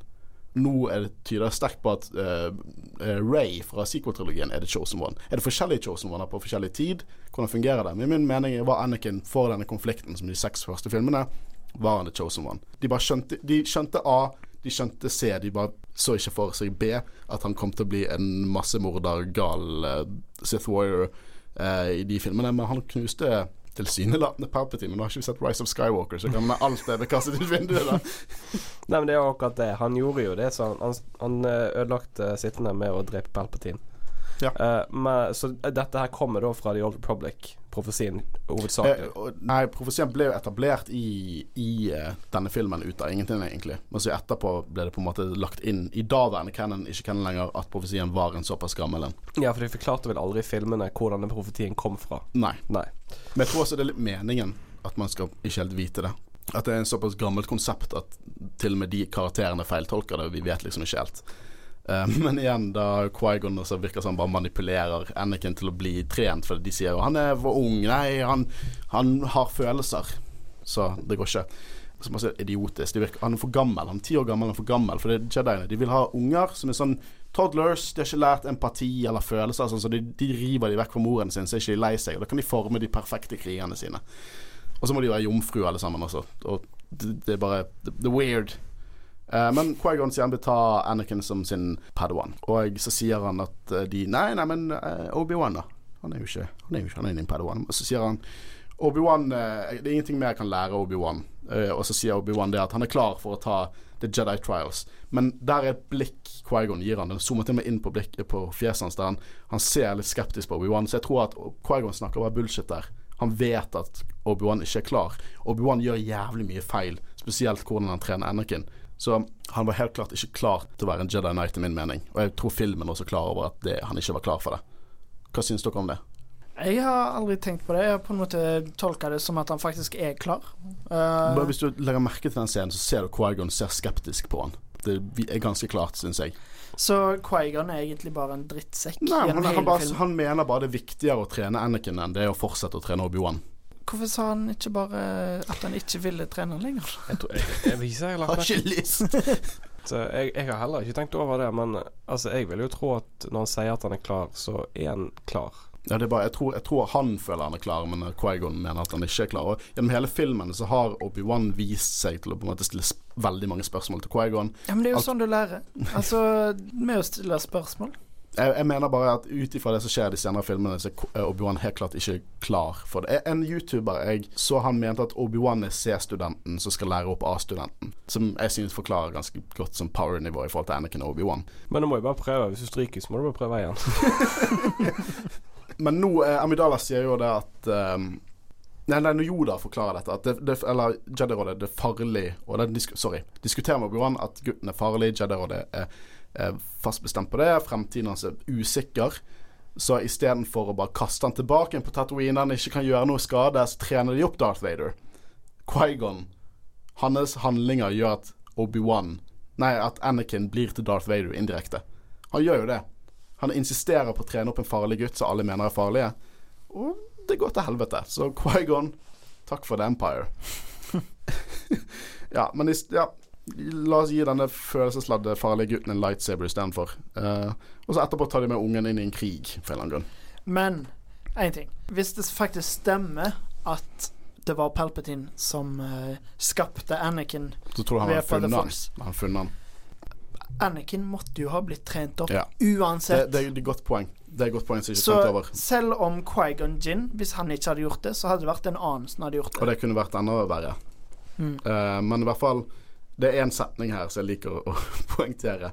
For uh, Obi-Wan sier eh, I forhold til uh, Jedi-rådet har sagt uh, Quaigon, så sier Obi-Wan 'It's not senseless, it's the truth'. Og så svarer Qu- Quaigon 'From your point of view'. Mente han 'from a certain point of view'? ja, og det blir mer snakk om um, om midichlorians. Quaigon sier det er livsformer i cellene. Det betyr ikke at det er The Force. Igjen så synes jeg at det er Jedi som prøver å gjøre The Force til statistikk. Hele den scenen føles ut som George Lucas. Altså at han hadde vist den til noen, og så var det noen som spurte Men hva er egentlig midichlorians? Og så bare heiv han den inn Ja, ja. liksom forklare det. Uh, men jeg føler ikke liksom, Han sier jo ikke at det er The Force i denne filmen heller, så jeg føler litt folk Ja, det, det er ikke så big deal, føler jeg. Men uh, nå sier Jar Jar sikkert det eneste bra i hele filmen. At de har en armé. eh, noe som Amidala også tenker at de kan bruke. Jar Jar Jar Jar blir brukt i hele denne filmen. her Bruke det så de kan kombinere. Så Amidala tenker hun skal dra hjem og på en måte være med i konflikten med sine folk og kombinere styrker. Palpatine eh, kommer inn. Han er kjempehappy, for han er nominert til Supreme Chancellor. Hvem hadde sett den komme? Jeg bare Måten Padmay snakker som dronning, får meg til å lyst til å skyte meg sjøl. Det er så monotont. Det er så fælt. Jeg ser for meg George Lucas bare sånn Lat som du ikke har en sjel, OK? Bare, bare, nei, nei, nei, ikke, ikke følelser. Lat som du har ingen sjel. OK, så nå uh, møter de eh, The Gungans, og jeg eh, blir glad i dem. Altså Bosnas. Og de, eh, de skal på en måte joine forces, og uh, Padmay er visst dronningen allikevel. What? Ja. Hæ? Ja. Eh, og Jar Jar blir gjort om til en general. Selvfølgelig. Selvfølgelig blir det. Ja. General Jaja Binks. Bombad General. uh, OK, her er den kjempe Jeg elsker denne scenen. Uh, når Gungan-hæren kommer ut av skogen.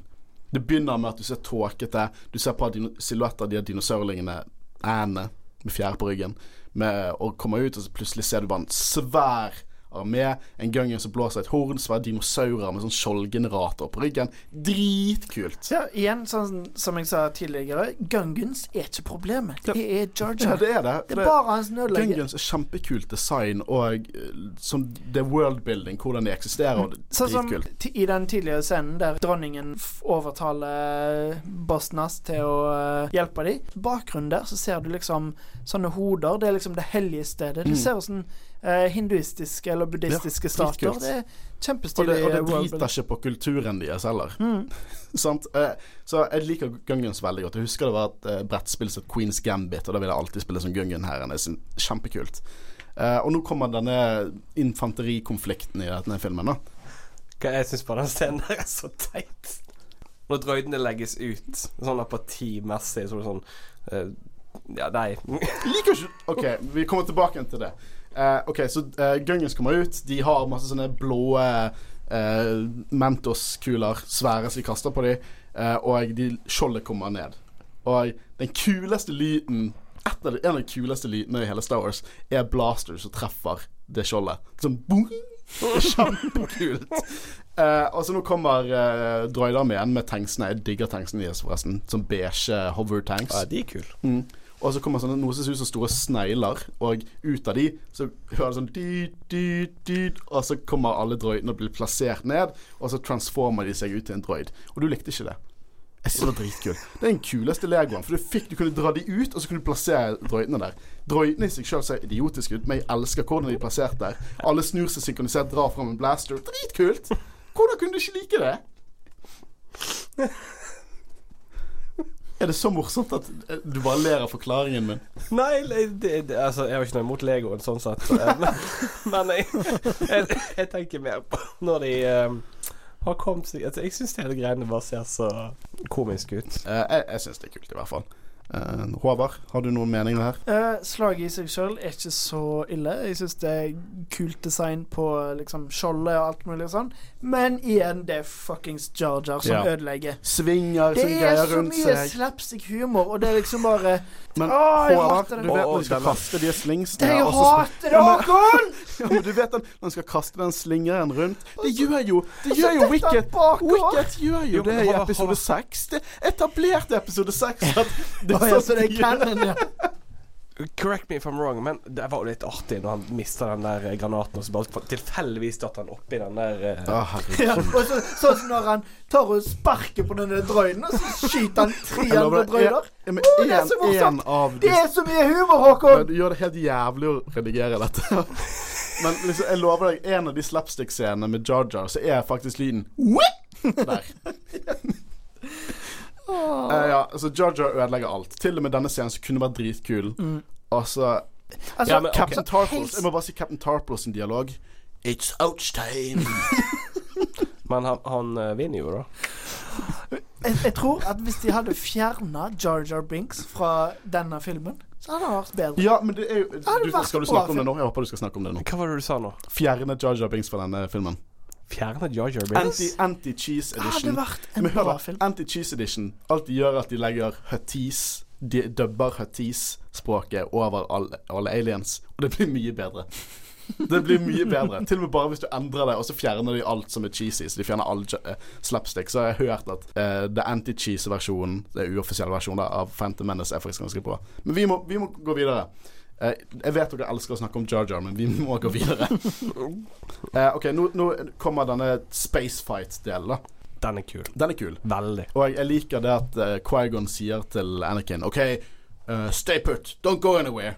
Han gjør jo det, men han bare spesifiserte ikke at han ikke skulle fly vekk fra det stedet han stay put sin. Og det er Naboo N1 Fighter, og jeg elsker det designet. Det er gule, litt sånn uh, strømlinjeformet. da Veldig annerledes fra det vi har sett i originaltrilogien. For prequel-trilogien er veldig shiny, og designen Worldbuildingen, så Mye av designet er veldig annerledes enn det vi ser i originaltrilogien. Der ting er veldig industrielt og gammelt og sånn. Og jeg, eh, ja, jeg liker veldig godt å tenke på noen av de klassiske Nintendo 64, Starfighter-spill og alt det der, og elsker til å være i den. Um, hvorfor i helvete tok de med seg Anakin midt inn i en konflikt? Nei, nei, jeg trenger svar på dette. Hva var planen? Nei, jeg vet ikke. Det, det gir ikke mening. Det gir ikke mening. Nei, det gir ingen mening. Han kunne vært på et hotell. Det er liksom You have to stay here on Coruscant to be safe.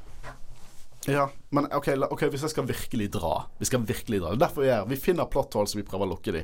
Kanskje Quaigon var livredd for at eh, The Sith skulle faktisk finne han hvis ikke han faktisk hadde kontroll over det. Så han vil ha øynene sine der, men igjen Nei. Og, altså, det kan godt være at han vil ha et tett øye med han hele veien. Ja. Ikke holde han trygg. Igjen, Quaigon skal bruke han. Han, skal ikke, han er ikke glad i han, han skal bruke han. Men i hvert fall eh, eh, Det er en åtte- åtte-tiåring som løper rundt i en krig. Sure. og så flyr eh, Ok, vi er ikke helt kronologiske, men istedenfor å kutte opp eh, hvordan vi snakker om det, så de flyr opp for, til droid-kontrollskipet, for de skal prøve å ta ut kontrollskipet for, for å eliminere hæren. Igjen veldig likt hvordan eh, New Hope funker. Mye av denne filmen er paralleller til hvordan oppsettet til New Hope er. Altså, hele siste del av filmen er skikkelig bra. Altså, hvis vi tar vekk Jar Jar Binks, så er hele siste del av den uh, filmen, den er bra. Det føles ut som Star Wars. Spesielt oppe i space. De red team, blue team uh, og Now this is pod racing! Anakin som flyr tilfeldigvis inn i, uh, i kontrollskipet. Og så sprenger skjoldgeneratoren, og Trade Federation Impossible! No one can penetrate our shields! Men en eh, åtte år gammel gutt kunne gjøre det. Og Ray er overpowered. Men ja, men hvis skjoldgeneratoren er oppe, hvordan kommer han seg da inn? han flyr inn i hangaren for å skyte skjoldgeneratoren.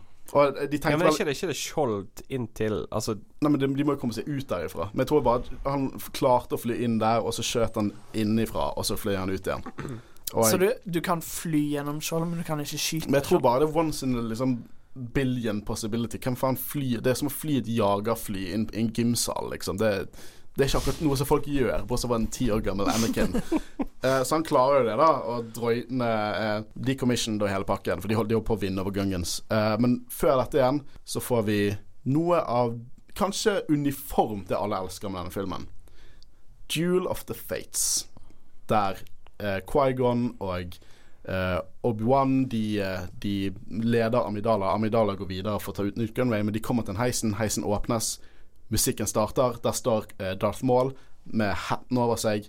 Han tar av seg hatten, tar opp en lightsaber, og to lightsabers kommer ut. Første gang i nåværende canon at en double-blade lightsaber er vist. Det er en skikkelig kul uh, reveal, uh, fordi tidligere i filmen så hadde han jo bare én. Så skikkelig kult at han plutselig har to. Og altså, Duel of the Fates er noe av det beste John Williams har laget. Altså Jeg vil jo si Imperial March er nummer én, men nummer to den går rett til Duel Det, of det kan jeg respektere. Og tenk, da. Eh, her kommer eh, John Williams og bare sånn klarer å nesten redefinere Star Wars igjen. Han klarer å komme noe minst så ikonisk som eh, Imperial March, og det er helt utrolig bra. Og sammen med dette får vi noe av den beste koreografien i Star Wars-film. Ja, nydelig. Jeg, ok, Jeg syns det er dritkult. Det er kjempeimponerende. Jeg liker veldig godt hvordan du merker at Quaigon og Obi- Obi-Wan eh, virkelig vet om det slåss rygg med rygg. Eh, og eh, Det er en scene der eh, Obi-Wan la, han later som han skal slå, og så er det egentlig Quaigon som kommer og, og slår. Kjempekult. Nydelig koreografert. Men jeg føler at de danser. Jeg føler at de prøver å treffe hverandres lightsabers, og de ikke prøver å treffe hverandre. Det er det som er problemet med, med fektingen i prequelsen. Det ser kjempebra ut, men det er som en dans. De prøver å fekte, de prøver ikke å drepe hverandre, de prøver å fekte. Og det, det følte jeg ikke med originaltrilogien. Det føler jeg heller ikke med sequel-trilogien. For hvis noen svinger en lightsaber der, så prøver de å drepe hverandre. Og det føler jeg ikke er. Kan dere se hva jeg mener med det? Ja, jeg, gjør jo for så vidt det. Det er egentlig et bra eksempel på liksom hele generelt prequel-trilogien. Det er veldig flashy og fint, men lite substans. Ja. Så det er liksom Jeg skjønner veldig godt hva du mener. Men uh, nå er det, det er nitpick time her. Ikke fra min del, men som folk gjør. For det er denne konflikten mellom de tre går inn til sånne store skjoldgeneratorgreier. Ny, så nydelig settdesign. Eller CGI. og, og så er det masse sånne skjold som lukker seg. Og det som skjer, er at alle tre er separert. Så helt borte i gangen så er det Quaigon og Darth Maul som er separert. Og så er det Obi-Wan som prøver å komme seg videre. Hver gang de åpner, det er mange dører, hver gang de åpner seg, så må Obi-Wan løpe litt mer, for så, luk så lukker de igjen. Og, og folk sier hvorfor kunne ikke han bare sånn force speedet seg gjennom der? Jeg elsker det YouTube-klippet Ja, der noen har reagert og faller han ned. Men igjen, der er en, en, en måte å gjøre det på. da Hvem tilsier hvor enkelt det er å løpe så kort avstand med The Force? Eller hvor fokusert man må være? Jeg vil bare si at hvis du som lytter, kan gå på YouTube, så søker du på What if Obi-Wan Kenobi used for speed? Så finner du den videoen. Ja, Det er egentlig den eneste forklaringen vi trenger. Jeg syns det er en teit nitpick. Uh, men i hvert fall noe jeg liker veldig godt her, eh, er når Obi-Wan Nei, når Quaigon og Darth Maul er separert, og de bare ser på hverandre. Quaigon setter seg ned og mediterer, mens Darth Maul på en måte ganger frem og tilbake. Og det, det viser jævlig godt liksom, forskjellen mellom Sith og Jedi. Liksom serenity eh, mot sinne og, og vold. Kjempekul scene. Det er så kult at i The Old Republic, hvis du er en Jedi og du skal på en måte få opp livene dine, så setter du deg ned som Quaigon og mediterer. Og hvis du er en Sith Warrior, så går du frem og tilbake igjen, sånn som Darth Maul. Det er kjempekult. Det som skjer, er jo det at uh, Quaigon blir drept. Så han blir drept liksom, Det virker som han plutselig bare slutter å fokusere. Bare plutselig åpner seg, og så blir han drept. Obi-Wan kommer ut og banker driten av Eller han blir egentlig ganske banket av, uh, av Maul. Ja, men akkurat etter Quaigon Jinn har blitt drept, så slåss Obi-Wan på en helt annen måte. Det er mye mer aggressivt. Mm. Det er ganske likt sånn som i Return of the Jedi, når eh, Luke blir sint på eh, Darth Vader. Det er en helt annen kampstil. Og han klarer å eh, ødelegge sverdet til da, sånn han har bare ett sverd igjen. Det er greit at han har alltid en spear. Og Mål er like flink med ett lightsaber som han er med en double-bladed. Eh, og det ender med at han klarer å dytte Maul utenfor et sånt uh, reaktorcore, eller dyp. Så han henger der da og mistet lightsaberen sin. Mål står der oppe og terger han, han tar lightsaberen og sånn svir på siden. Helt til Obi-Wan legger merke til lightsaberen til Quaigon som ligger borti hjørnet sammen med Quaigon. Salto over mål, kutter han i to. mål faller ned. Og det er det siste vi ser av Maul Så igjen. kul karakter, som bare dreper de. Men det dere sier her, er jo egentlig feil. Men det er ikke noen unnskyldning. For det, det, på den tiden, i canon, så døde han. Men nå er vi i en annen canon. For han kommer tilbake igjen i Clone Wars-serien. Han kommer tilbake i Rebel-serien, og han dukker opp i Han Solo-filmen. Det er mye, mye god historie om Maul. Jeg elsker Darth Maul. Ikke basert på denne filmen, fordi at igjen, han er bare substance. Han er kul, men han har ingen dybde. Han sier tre setninger, kanskje. Han sier 'Yes, master', og så sier han det 'Reveal ourself'. Og jeg, Han ser kjempekul ut, men jeg bryr ikke meg om han som en skurk. Jeg merker at det er, han er en mye farligere fiende enn droidene. Det er alt. Han er kul, og han gjør kule ting. Og han er skummel. Men i Clone Wars så får du eh, dypere karakter og motivasjoner, og det er skikkelig gode historier. Og det en, han, dette er ikke siste gang han møter Obi-Wan, og det er noen fa- fantastiske eh, scener der fra de seriene der. Og det kommer vi til å dekke senere, så jeg skal ikke gå altfor mye på det, men det er virkelig kult nå er jo det at Obi-Wan eh, Qui-Gon dør i hendene til Obi-Wan. Obi-Wan lover han at han skal trene gutten, fordi han er the chosen one. Og eh, etter dette her så er jo konflikten gitt seg opp, og de har tatt Newt Gunray og eh, Federation. De står der og så sier de sånn Lykke til med å ha en eh, Federation nå, da. Deres trade franchise går rett ut av vinduet. Ikke det litt sånn litt snill måte å behandle noen som ulovlig invaderte en planet? Og, og vi vet at de drepte mange på planeten, for det er han Bibble, CO Bibble, han sa at the death toll was catastrophic. Så de får en liten sånn slapp på baken, og så tilsynelatende mister de franchisen sin. De er ikke engang i bånd. De bare står der, og så sier de ingenting, så går de opp på spaceshipet sitt sammen med noen vakter. Det det er som uh, Hva heter lederen av Windows? Bill Gates går på massemord og bruker alle ansatte sine til å drepe folk. Og så bare sånn Nei, nå er ikke du vår CEO lenger! Eh, vi får en liten dialog med Yoda. Han senser hvor farlig treningen av Anakin er, med Imperial March spilt diskré i bakgrunnen. Liker han scenen. Liker veldig godt han scenen. Rådet finner ut at de skal gjøre Obi-Wan til en Jedi-ridder. Kanskje ikke det beste valget, i min mening. Og at de skal la han trene ungen. Anakin, altså. Quagon er død. Det er ganske grotesk å brenne en Jedi inn i et bitte lite sånn sirkulært rom. Så jeg tenker alltid når jeg ser sånne filmer, kommer det til å lukte sånn bacon eller noe sånt? Ja, altså, det er jo fullt av folk der. Jeg tenker Det burde ha hoste. Ja. eh, men i hvert fall eh, Nå er jo det Dette er jo ikke det siste historien har eh, Har impact for Quaigon. For Quaigon, ja, han fysiske kropp dør, men han lærer seg å komme tilbake igjen med The Force. Og det, dette er ting vi har snakket om i Empire, men vi kommer til, tilbake igjen til det i Revenge. Hvorfor forsvant ikke kroppen hans, egentlig? Fordi han hadde ikke lært å eh, visuelt komme tilbake igjen gjennom The Force. Han har, han har lært å bevare um, sin mentalitet, men treningen hans var, uf, eh, var ikke ferdig. Liksom det en, han klarte etter sin død å komme mentalt tilbake igjen. Man kunne ikke liksom bruke kroppen sin og materialisere seg fram. Det er det som de forklarer i Clone Wars. Okay. Og eh, nå snakker jo Mace Windu og Yoda om at uh, Yoda forteller at det er alltid to. Basically rule of two. Han sier alltid to det er en master and apprentice, og Quaigon sier men hvem drepte vi? Mesteren eller lærlingen? Og så zoomer de inn på Palpatine. Og eh, ja, nå det siste i filmen er denne eh, fredsseremonien på, på Naboo. Og eh, Palpatine sier at de skal, han skal følge med på eh, liksom, hvordan det går med Anakin fremover. i han sier vel uh, We will watch your career with great interest. Ja, I bet you will. I bet you will. Ja. Visste du at på slutten av rulleteksten så hører du Darth Vader sin uh, breed? Å, gjør du det? Det er en kul detalj jeg aldri Jeg har aldri sett før rulletekst. Skru han av med Ja, en gang. eh, Men det var episode én, Phantom Menace. Og jeg Ja, hva synes dere gutter? Jeg føler vi har snakket Altså et sånn veldig 50-50 når det kommer til positive og negative ting med filmen, egentlig. Ja, egentlig. Men eh, jeg, eh, sånn Ok, En ting jeg vil påpeke, er likhetene med New Hope. Du har en læremester som dør, du har en kontrollskip som har et svakt punkt som du må ta ut for å vinne dagen. Som Lucas sier, det er Star Wars er som dikt. Det rimer. Så Force Awakens er ikke den eneste filmen som har tatt masse storybeats. Jeg vet at Force Awakens tar veldig mye. Det skal vi tilbake igjen til senere. Jeg liker Force Awakens. Men i hvert fall, New Hope gjør noe lignende, bare at de tar veldig mye annet inn der også. Som sagt, jeg liker det politiske aspektet. Jeg liker det veldig godt. Egentlig alt det politiske i denne filmen syns jeg er interessant. Til og med handelsblokade og Trade Federation og alt det der. Og jeg, jeg liker det politiske aspektet såpass godt at jeg savner det veldig fra sequel-trilogien. Det er veldig lite politiske greier. Til og med liksom Senatet er jo noe som vi får vite om i New Hope. Og nå får vi se det, bare under republikken, da. Ja, altså I The Force Awakens så får vi bare vite at de er der. Ja, og at så prr, dør de.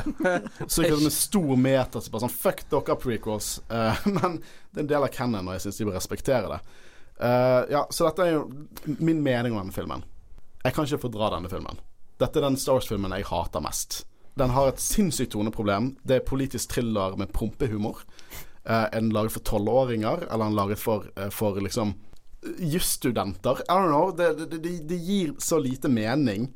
Og det er så lav, dårlig pacing, og dialogen er så kjempedocky og følelsesløst. Men når det er noe kult her, så er det skikkelig kult.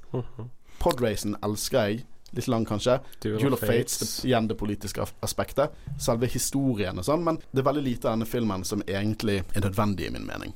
Du kan forklare denne filmen på fem minutter, og så vet du hvor denne filmen har sin plass i sagaen. Ja, jeg har vært veldig negativ. Jeg, jeg, liker denne filmen utrolig dårlig, men det er mange elementer som jeg liker veldig godt. Så jeg føler at dette er et utrolig godt eksempel på at George Lucas han er ikke verdens beste filmskaper. Han skaper kule verdener. Det er ja, det er nettopp det. Uh, altså, Star Wars A New Hope, kjempebra film, men Empire Strikes Back er bedre.